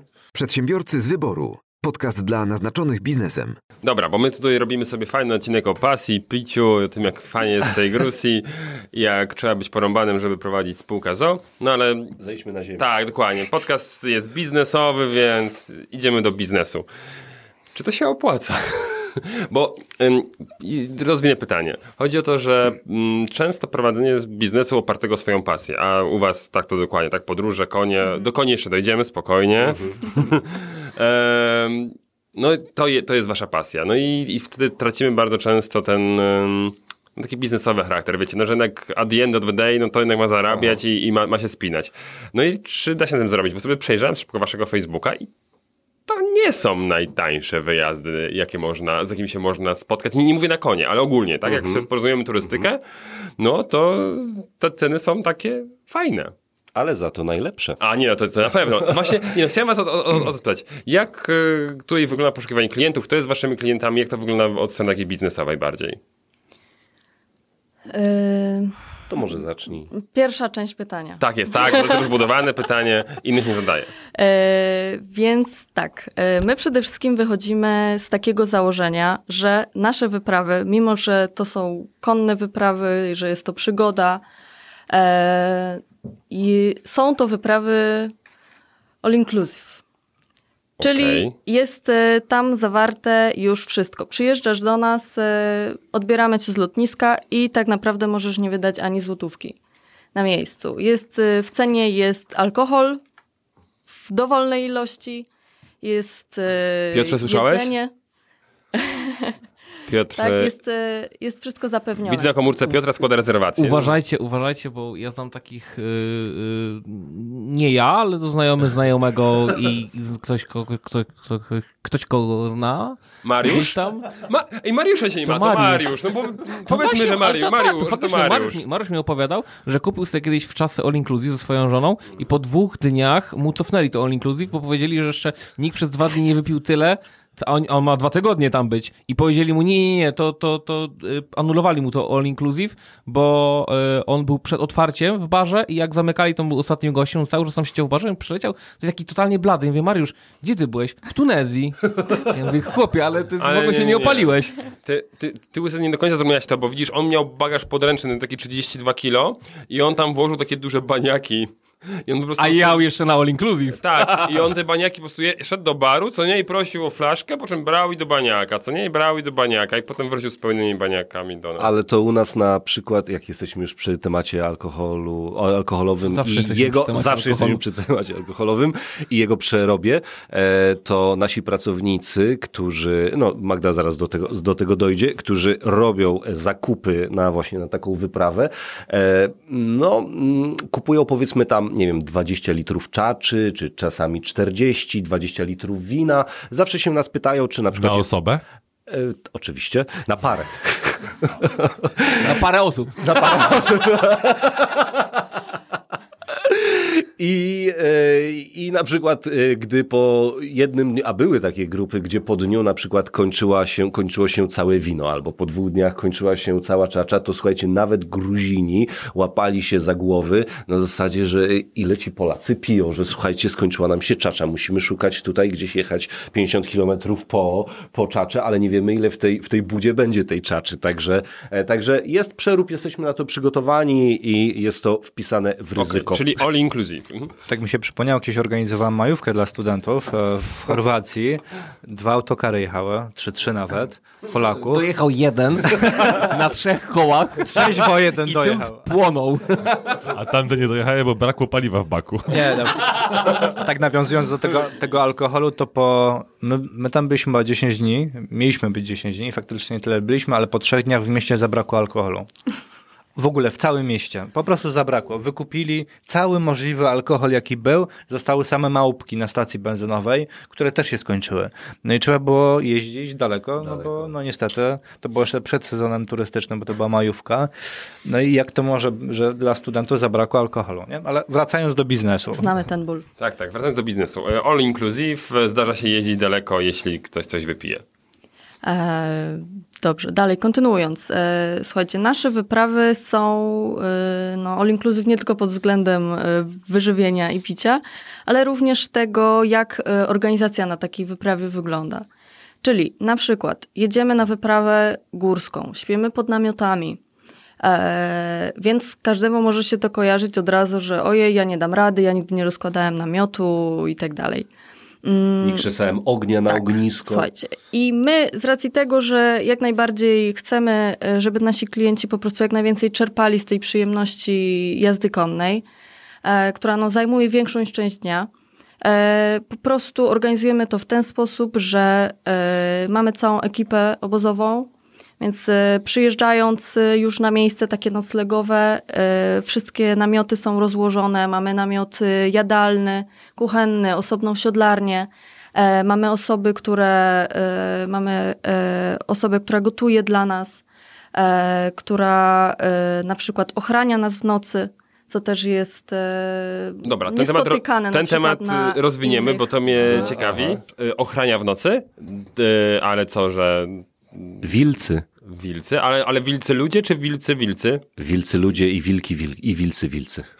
Nie, Nie, nie, tak naprawdę- oczywiście nie. Chodzi, chodzi, chodzi tak naprawdę o zwierzęta e, i o psy pasterskie, ponieważ w tym regionie, w którym działamy, czyli w Samtskhe-Jawaheti, to jest południe e, Gruzji, e, tam na letnie wypasy, tak zwane rydyki, przychodzą pasterze z Gruzji Wschodniej, z Kacheti, który to region jest bardzo gorący, jeśli chodzi o te miesiące letnie. bo Tam dochodzi temperatura do 40 stopni i także od maja do października właśnie pasterze ze swoimi rodzinami, całymi stadami, które liczą e, nierzadko kilka tysięcy sztuk e, owiec, baranów, przychodzą właśnie idąc 9-12 dni na, na, na południe właśnie do tej Samtskhe-Jawaheti na letnie wypasy. A tam, gdzie, e, tam, gdzie owce, e, tam i wilki. Także, także, także po prostu e, chodzi, no dmuchamy zawsze na zimne, tak? By, było kilka sytuacji, że, że takie wilki nam podchodziły pod, pod obozowisko, no ale właśnie od tego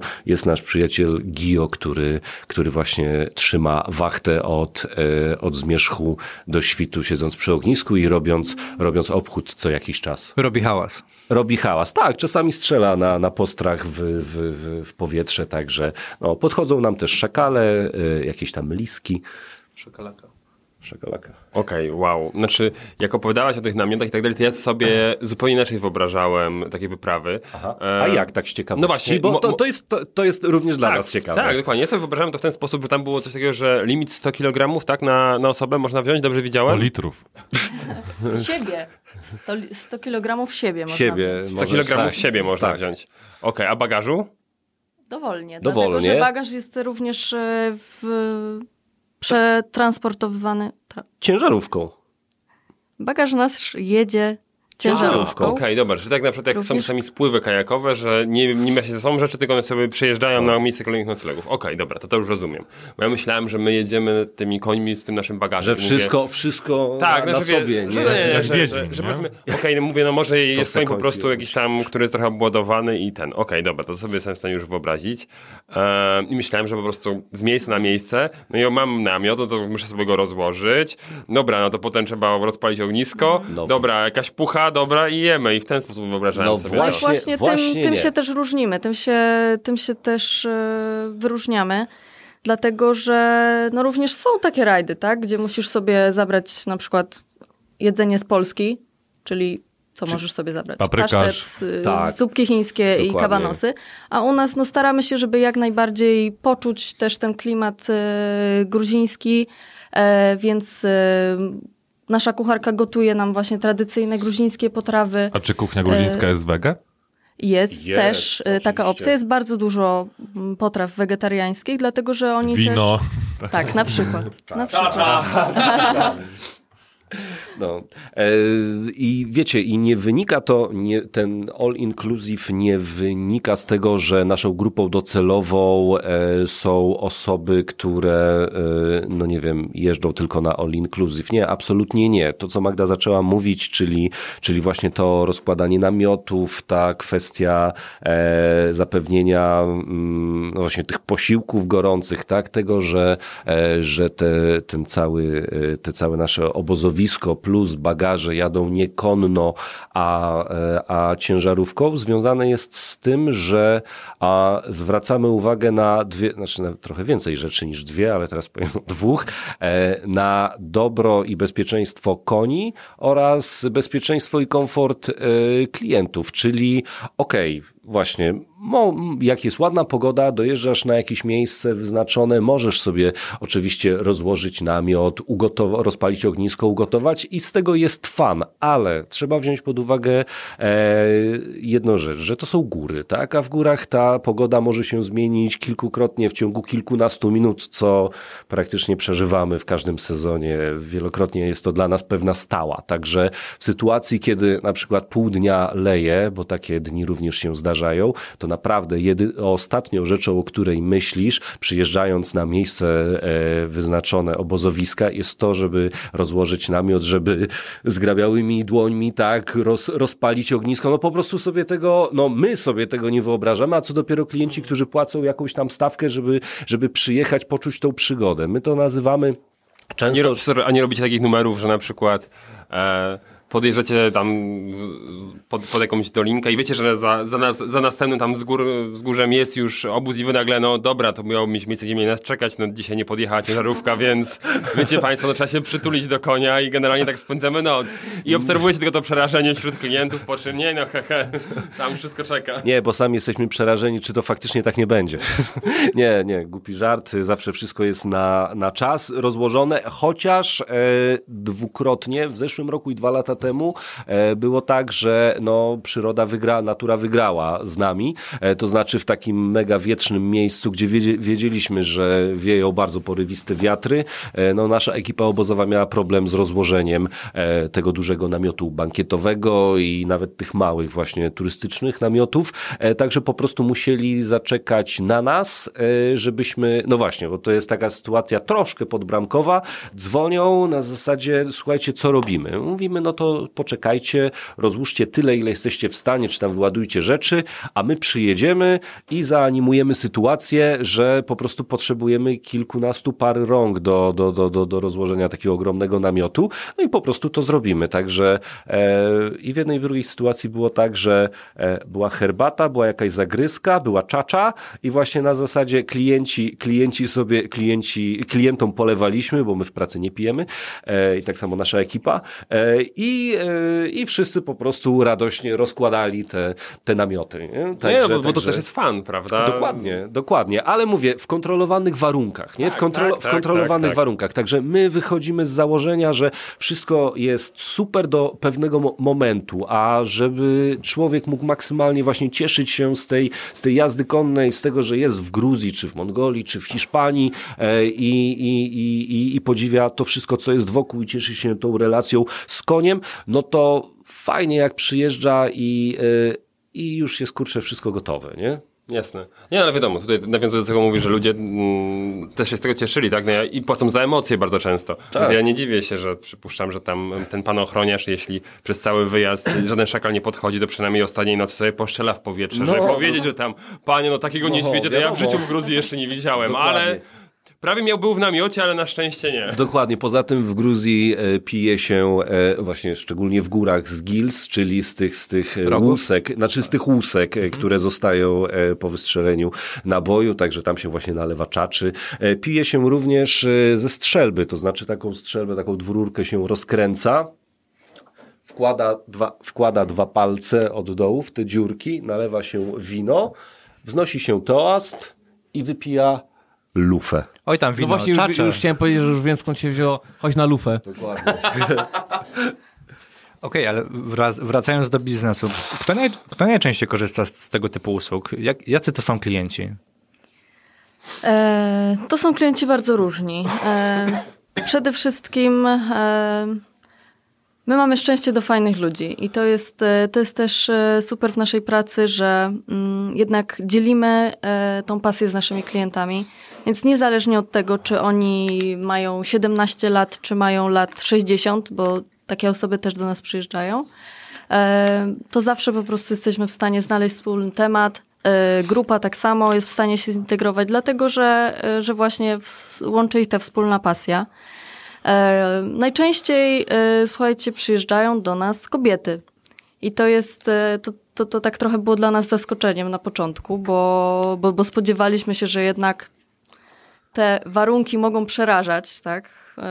Które sobie można bardziej nawet wyobrazić, tak? Bo jednak okazuje się na miejscu, że, że, to, jest, że to nie jest wszystko takie, takie trudne i, i tak naprawdę dużo rzeczy jest przez naszą ekipę kochaną załatwiane.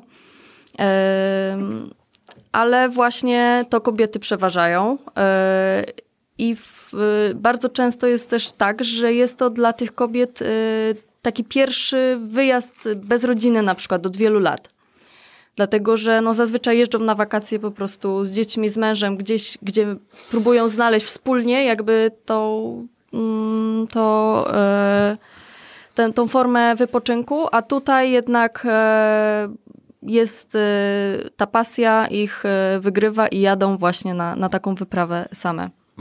E, Tutaj jeszcze mm, tylko dodam, że mm, my generalnie od samego początku celowaliśmy w osoby, które e, w grupę odbiorców, e, którzy jednak e, mają coś z końmi wspólnego. To znaczy, a, bo Właśnie, takie wypady można też podzielić nie u nas, tylko ogólnie rzecz biorąc na dwa rodzaje, e, gdzie koń jest tyl, y, gdzie jazda konna jest tylko jedną z atrakcji na, na, na, na, na jakimś tam wyjeździe i wówczas organizator e, no, nie dba o to, czy, czy, czy, czy człowiek potrafi jeździć konno, czy nie. Sam, organ, mówię, organizator też nie ma o tych koniach bladego pojęcia, więc to w, no, no, różnie, no różnie, no różnie wychodzi, tak? Nie, nie zagłębiajmy się w ten temat, ale a, albo właśnie y, rajdy, które są organizowane stricte dla, dla osób jeżdżących. Nie jest tak, że musisz być y, turbo wytrawnym jeźdźcem, żeby, żeby wziąć udział w takiej wyprawie, e, co życie pokazało i, i doświadczenie, ale faktem jest, że no jednak kilka razy na tym koniu siedzieć powinieneś. No właśnie miałem pytać o to, czy, czy trzeba być przygotowanym jakoś właśnie pod względem, bo jednak do, przejrzałem sobie teraz y, to praktycznie wszystkie y, kierunki, które y, oferujecie w Gruzji, no i tam to większość tych dni jest na konno, tak? Tam pierwszy i ostatni przeważnie nie, tak? No Na- bo to jest, bo tak, Tak. bo to główna... Przede wszystkim e, specyfika rajdów e, Gruzji jest taka, że są to rajdy górskie. E, Więc też e, samo podłoże nie pozwala na rozwijanie jakichś takich dużych prędkości. E, To jest po pierwsze. Po drugie, konie gruzińskie są wychowywane w, w innych warunkach niż nam się to w Polsce niż, niż jest to w Polsce po prostu. Konie tam chodzą wolno, chodzą po górach, nie ma pastwisk. Są po prostu konie wypuszczane i chodzą sobie wolno. I no, jest to bardzo duża różnica w jeździe na takim koniu, dlatego że ten koń niczego się nie boi, nie płoszy się. E, W Polsce na przykład jak się wyjedzie e, na koniu, który stoi przez większość czasu w boksie i on zobaczy łąkę, no to dla niego po prostu nie ma hamulców, tak? E, A na koniu w Gruzji nie robi to większego wrażenia. Więc nasze gruzińskie rajdy mogą być również przeznaczone dla osób, które nie są wytrawnymi jeźdźcami. Oczywiście trzeba posiadać podstawowe umiejętności e, i e, trzeba mieć dobrą kondycję fizyczną, no bo tutaj jakby mówimy o kilku godzinach spędzonych e, w, na koniu. Słucham. Ja, ja, ja mam y, kapelusz i ostrogi. Y, Wymagamy jazdy w kasku. Założysz sobie kapelusz na kask. To będę wyglądał śmiesznie. Nic Nie się pierwszy i nie ostatni. Y, nie, to jak nie można w kapeluszu i z ostrogami, to, to, to ja zaczynam się poważnie zastanawiać. Ja myślę, że zostanę Oj. w bazie i ja też będę miał tam co robić. A można jeździć tam ciężarówką, na przykład y, z tymi bagażami? Można jeździć, można jeździć kładem na przykład. Można jeździć po czacze po prostu? Ale, ale Jeśli właśnie. będzie ciągle brakować, to jak najbardziej. Ja nie wiem cały czas o tym alkoholu, ale była ekipa, która zresztą y, naszych tam takich znajomych, którzy, a, którzy powiedzieli, że oni jeżdżą całą, y, całe życie razem, ale w tej ekipie jest jedna osoba niejeżdżąca i ta osoba e, zajmuje się e, a, za, no, mm, zaprowiantowaniem e, płynnym. Także właśnie w, bodajże Bartuś, Bartuś, tak, Bartuś jeździł z naszym kierowcą e, ciężarówką i, i, i właśnie jeździł od sklepu do, e, do, do, To, do jest- to jest pomysł, Piotrek. A ta ciężarówka ile ma miejsc jeszcze tak dodatkowych? Wyjąłeś mi to pytanie to z jest, ust. to, to jest, słuchajcie, taka radziecka, A, radziecki spoko. gruzawik, gaz 66, są w, oprócz kierowcy dwa, półtora miejsca. No, to by to z Piotrkiem to elegancko, Na na, pół- na kolanka pół- w ogóle. Na półtora gościa, bo pół, pół, pół gościa siedzi na tym, na, na, na silniku, więc to się trochę grzeje. Doskonale. Piotrze, ciepło ci będzie. Także słuchajcie, też e, oferujemy różne rajdy, tak? Dlatego, że em, na przykład te rajdy, które mamy teraz nowe, e, Oman, Mongolia i Hiszpania, Mm. są przeznaczone już dla jeźdźców zaawansowanych. Ale Gruzja, rozumiem, na spokojnie można Tak. sobie... Gruzja jest na spokojnie, ale też y, to jest też fajne na tych rajdach, że i takie, i takie osoby znajdą, y, znajdą sobie y, coś dla siebie. Jak nie, na koniu Dlatego, to że nie, mówię o osobach zaawansowanych A, okej. i mniej zaawansowanych na koniach, dlatego, że jak najbardziej też y, jest możliwość galopów, dzikich również. Mamy różne konie naprawdę, więc mamy w Gruzji mamy bardzo dużą już stawkę koni, z którymi współpracujemy na stałe. Więc jak najbardziej można i, i, i dla osób, które chcą szaleństwa, i dla osób, które chcą spróbować tego sobie na spokojnie przejechać taki rajd. Również jest taka możliwość. Galopy u nas nie są obowiązkowe. Jest możliwość jechania bardzo szybko, a jest możliwość na przykład spróbowania z instruktorem sobie na spokojnie e, takiego galopu, albo w ogóle można zrezygnować. Dokładnie. I jeszcze mm, tutaj kontynuując odpowiedź długą na twoje pytanie, e, jest tak, że bardzo często spotkamy się z sytuacją, że ludzie e, zapisując się na taki rajd mówią nam uczciwie, że, e, że słuchajcie, ja nie potrafię jeździć konno, ale mam jeszcze kilka miesięcy do, do czasu wyjazdu i czy dam radę.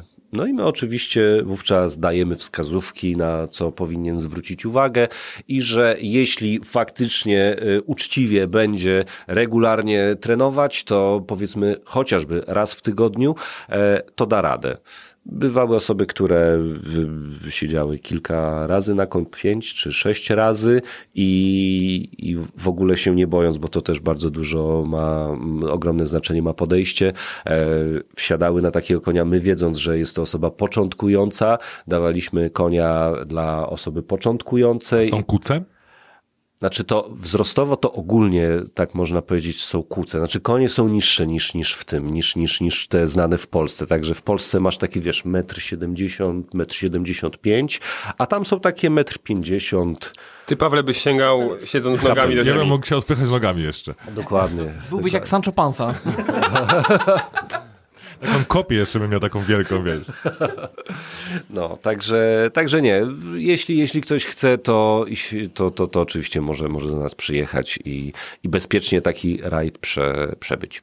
Ja tam dzięki mojej żonie troszkę tego jeżdżenia na koniach liznąłem, chociaż chyba ta, tak rozbudzacie moje, moją ciekawość, że, że, że trzeba będzie jeszcze bardziej chcę sobie przypomnieć te umiejętności. Ale jak właśnie, wygląda od strony praktycznej? Bo jazda na koniu jest męcząca.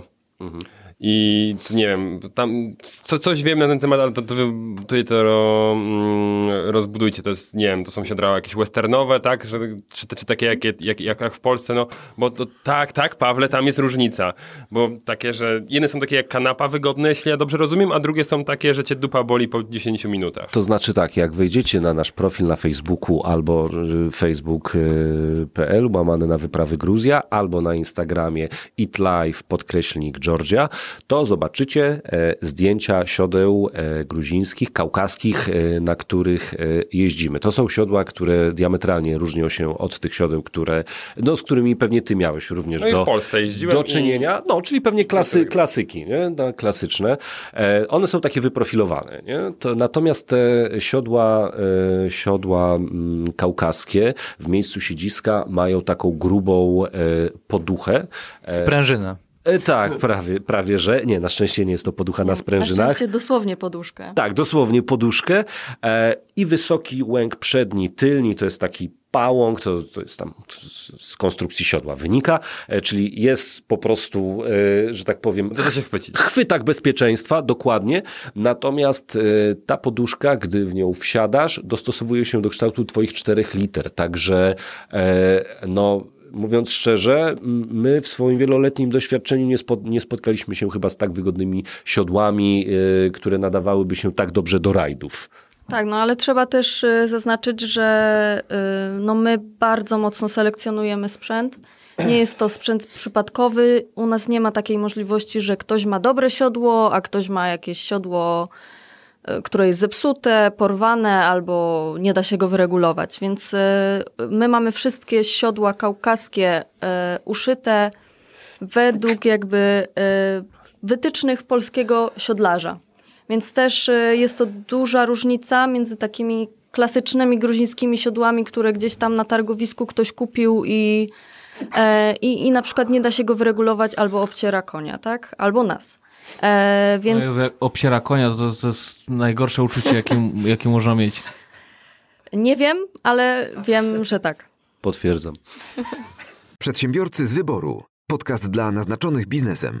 Nie, ale Magda zwróciła tutaj uwagę na bardzo istotną kwestię, która nie jest tak do końca oczywista i osoby, które do nas przyjeżdżają, czy w ogóle mm, szukają e, jakiegoś, jakiegoś wyjazdu, e, jakiś, jakiegoś rajdu konnego w świecie, e, nie tylko w Gruzji.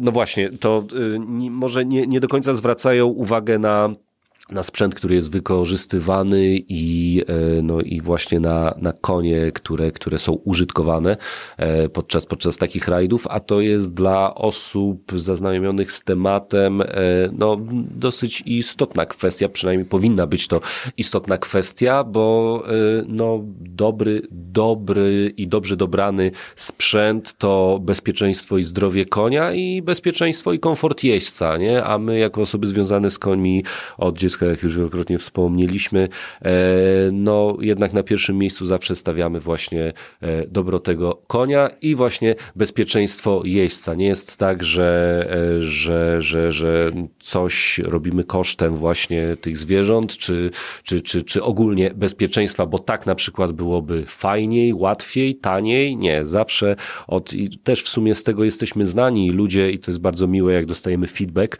po, po, po wyprawach, że, że właśnie ludzie nie, spotyka, nie spotkali się nawet w Polsce z takim podejściem, gdzie, gdzie, gdzie właśnie tak, tak, tak, tak, tak pieczałowicie pracujemy nad tym, żeby, żeby i ludziom było dobrze, no ale i też przede wszystkim, żeby i koniom było dobrze. Tak, taka, taka sytuacja na przykład jak Dojeżdżamy do wioski, jednej y, z wiosek y, na trasie jednego z naszych rajdów, Tabackuri, nad, nad, nad jeziorem Tabackuri. E, Tam wybudowaliśmy stajnię, to znaczy zaadaptowaliśmy starą owczarnię i w środku według naszego projektu powstało e, ponad dwa, ile? 28, 28 boksów i stanowisk dla, dla koni. Coś, co jest no, w Gruzji, że tak powiem, nie, nie, niespotykane albo rzadko spotykane. E, No i jest tak, że każdy klient tam oporządzi swojego konia, rozsiodła go, ściągnie siodło, tak? E, I jest tak, że Magda idzie z ekipą e, do, do, do domu e, tam gospodarza, u którego nocujemy, a mm, ja na przykład właśnie z, z naszym miejscowym przewodnikiem siedzimy tam do nocy, bo właśnie zajmujemy się końmi, czyścimy siodła. Idziemy oczywiście też do domu i, i siedzimy i coś, coś, coś jemy, ale później, kiedy ludzie bawią się w najlepsze, my znowu wracamy do tej stajni po to, żeby, żeby, żeby właśnie e, ogarnąć, ogarnąć te, te konie. Nie? Także, także to, to też taka, e, taka rzecz, że, e, że no nie wyobrażamy sobie inaczej. Nie? Mhm. Żeby ten sprzęt mógł być użytkowany, no są potrzebni klienci. No i pytanie, w jaki sposób wy ich pozyskujecie? Macie jakieś konkretne swoje działania? E, wiesz co, najczęściej e, pozyskujemy klientów e, przez Facebooka. Przynajmniej do tego czasu Tak, do pory pozyskiwaliśmy, dopóki Facebook nie zaczął e, Ciąć. ciąć. strasznie wszystkich zasięgów i, e, i, i, i obcinać. E, więc troszkę się też również przenosimy na Instagrama. E, ale taką największą platformą w zasadzie e, naszych klientów to są polecenia. I bardzo, bardzo często się spotykamy z tym, że właśnie nowi klienci, którzy przyjeżdżają, to są osoby, które mówią, ta i ta osoba poleciła mi, była z wami tu i tu. Bardzo często też się zdarza, prawie połowa naszych klientów co roku to są nasi stali klienci, jak, jak nie więcej, tak? Tak, i właśnie- Osoby, które po prostu do nas wracają. Dokładnie i tutaj przepraszam, że ci wejdę w słowo, ale to takie, takie ważne moim zdaniem, zdanie, moim zdaniem zdanie, e, że miarą naszego tak zwanego sukcesu może nie jest ilość osób, które do nas przyjeżdża, a procent e, z nich, który do nas wraca bo to w turystyce, tak, tak już, już stricte biznesowo podchodząc do, do, do, do tej sprawy, e, no to, to, to, to, to chyba jest dobrze rokująca sprawa, jeśli, jeśli właśnie osoby przyjeżdżają do nas e, na przykład trzy czy czterokrotnie do Gruzji, tak? Bo teraz od zeszłego roku odpaliliśmy nowe kierunki i co roku teraz ym, mamy, mamy plan na, na, na nowy taki kierunek i także ta baza, baza stałych klientów też ma większe możliwości e, wyjazdowe. Natomiast, natomiast gdy była to tylko Gruzja, no to, te, to było to bardziej widoczne, że, że właśnie, że, że, że, że gros tych osób, które już u nas były, po prostu wracają e, wielokrotnie do nas. Nie? Tak, a też nie mają możliwości się znudzić, dlatego że e, obecnie w Gruzji mamy już sześć tras różnych. E, dlatego są osoby, które były, wiele jest osób, które były już u nas trzy, cztery razy. E, No, rekordzista, rekordzista- rekordzista był w Gruzji 7 razy, osiem 8 razy, teraz Mongolia a. Mongolia był A dziewiąty. wspomnimy tylko, że pięć lat prowadzimy. Dokładnie. Pięć sezonów za nami. Dokładnie. Tak? Super. I jeszcze, jeszcze w sumie taka, taka rzecz, którą też e, no, no my jesteśmy bardzo zaskoczeni, e, że ostatnie trzy lata to jest taki, taki boom na, na te wyjazdy i e, ten rok, a szczególnie poprzedni i dwa lata temu wygląda, nasze zapisy na nasze rajdy wyglądały tak, że informowaliśmy odpowiednio wcześniej, że, że, że na naszym Facebooku pojawi się, pojawi się post z, dostępnymi, z dostępnym kalendarzem rajdowym tego a tego dnia o tej i o tej godzinie. Post był zaprogramowany, no i tak, my czekamy przy, przy komputerze. I informacja na Facebooku, pff, dolny lewy róg, że twój post tam został zaprogramowany, to prawy dolny róg, a z lewej strony? Trrr, wiadomości. My tak patrzymy, mówimy, chyba nam się Facebook zaciął. Nie? Co, o, co, o co chodzi? Słuchajcie, z pierwszej minuty, e, wiadomości z pierwszej minuty, tam była za, zaprogramowana godzina 17.30, to na wiadomości z godziny 7, od 17.30 do 17.31 odpisywaliśmy 3 godziny? 3 godziny chyba. Na dwa komputery, jakby nie mając nawet, nawet nie robiąc sobie przerwy na napicie się herbaty, tak? Dokładnie. Więc, I y- e, no, także, także... Super, to jest bardzo dobry wynik, Tak. także Tak, tak, tak. W tym roku, w tym roku, w tym roku podjęliśmy wyzwanie e, i pewne ryzyko, które, znaczy ryzyko, no, rozmawiamy stricte biznesowo, tak? To bizne, biznesowo ryzyko, e, poszerzając praktycznie, e, znaczy powiększając mm, ilość tych dostępnych wyjazdów ponad dwukrotnie. W ubiegłych latach było to 15, 4, 13, 14, 15 e, rajdów rocznie Które trwały? które trwały Średnio? średnio, tydzień.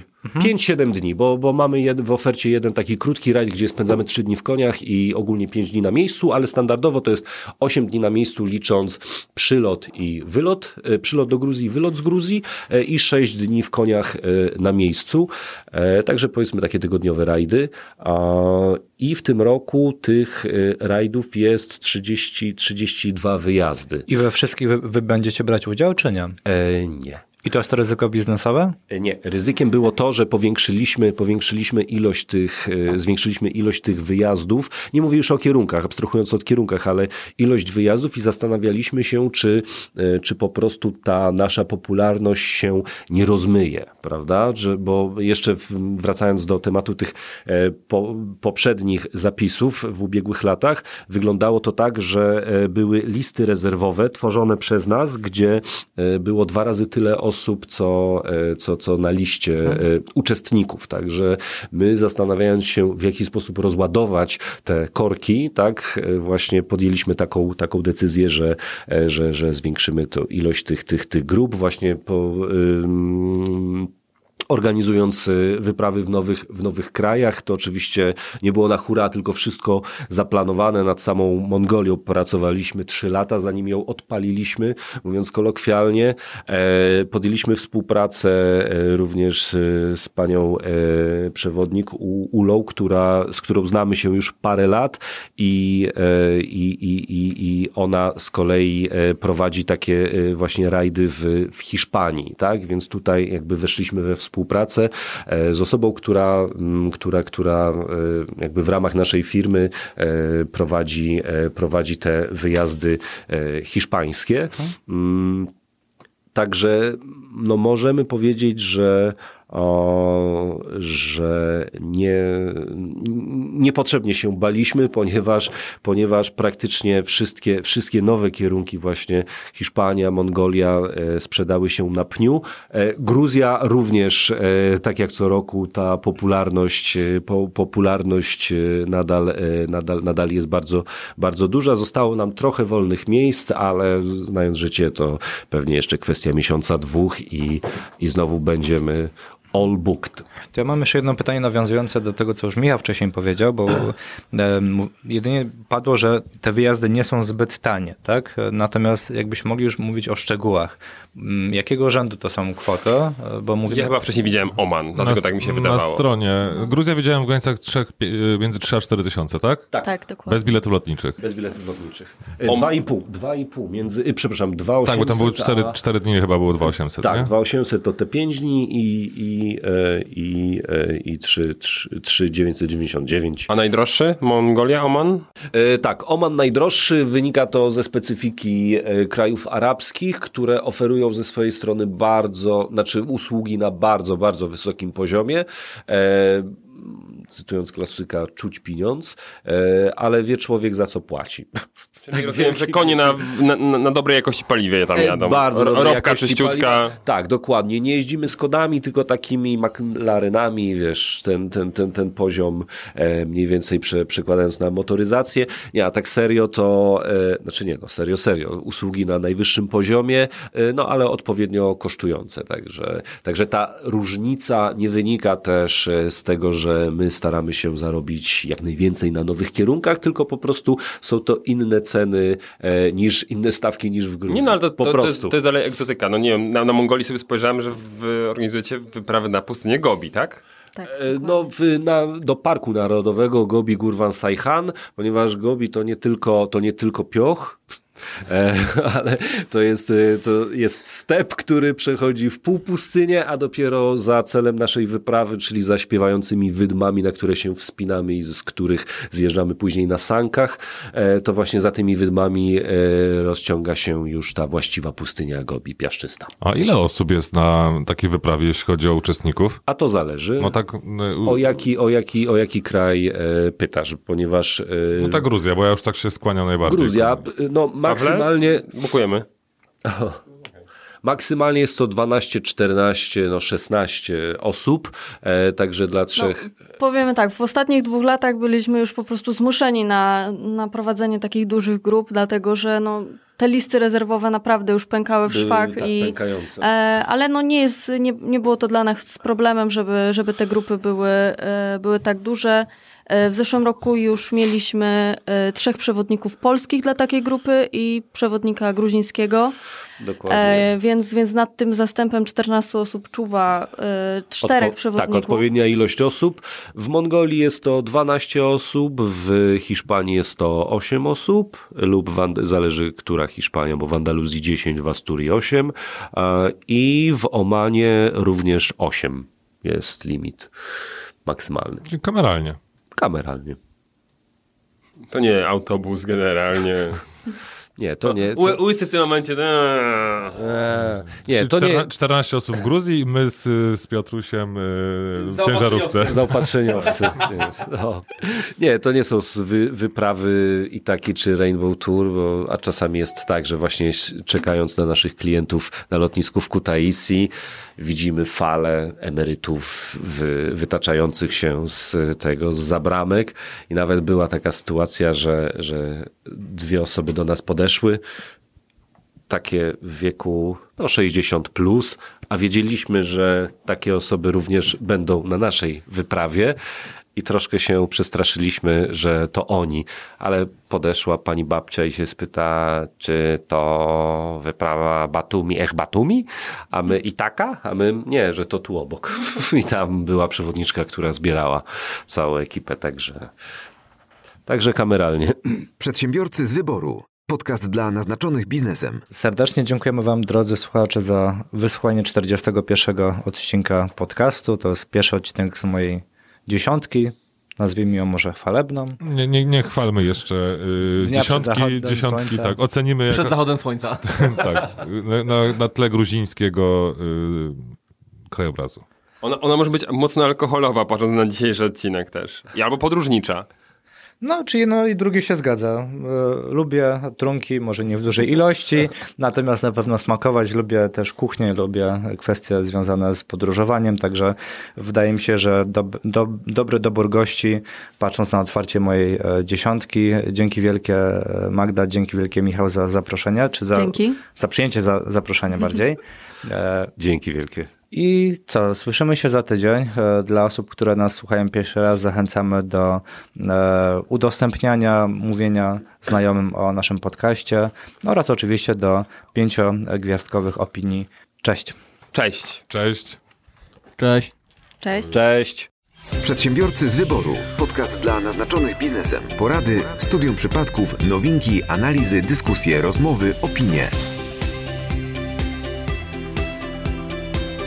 Byłem ostatnio u fryzjera i yy, fryzjer w ramach żartu yy, spytał mnie ostatnio, to co dzisiaj inaczej? Słuchaj, ja, ja wiesz, ja byłem w takim momencie życia, że za 10 zł zrobiłbym wszystko.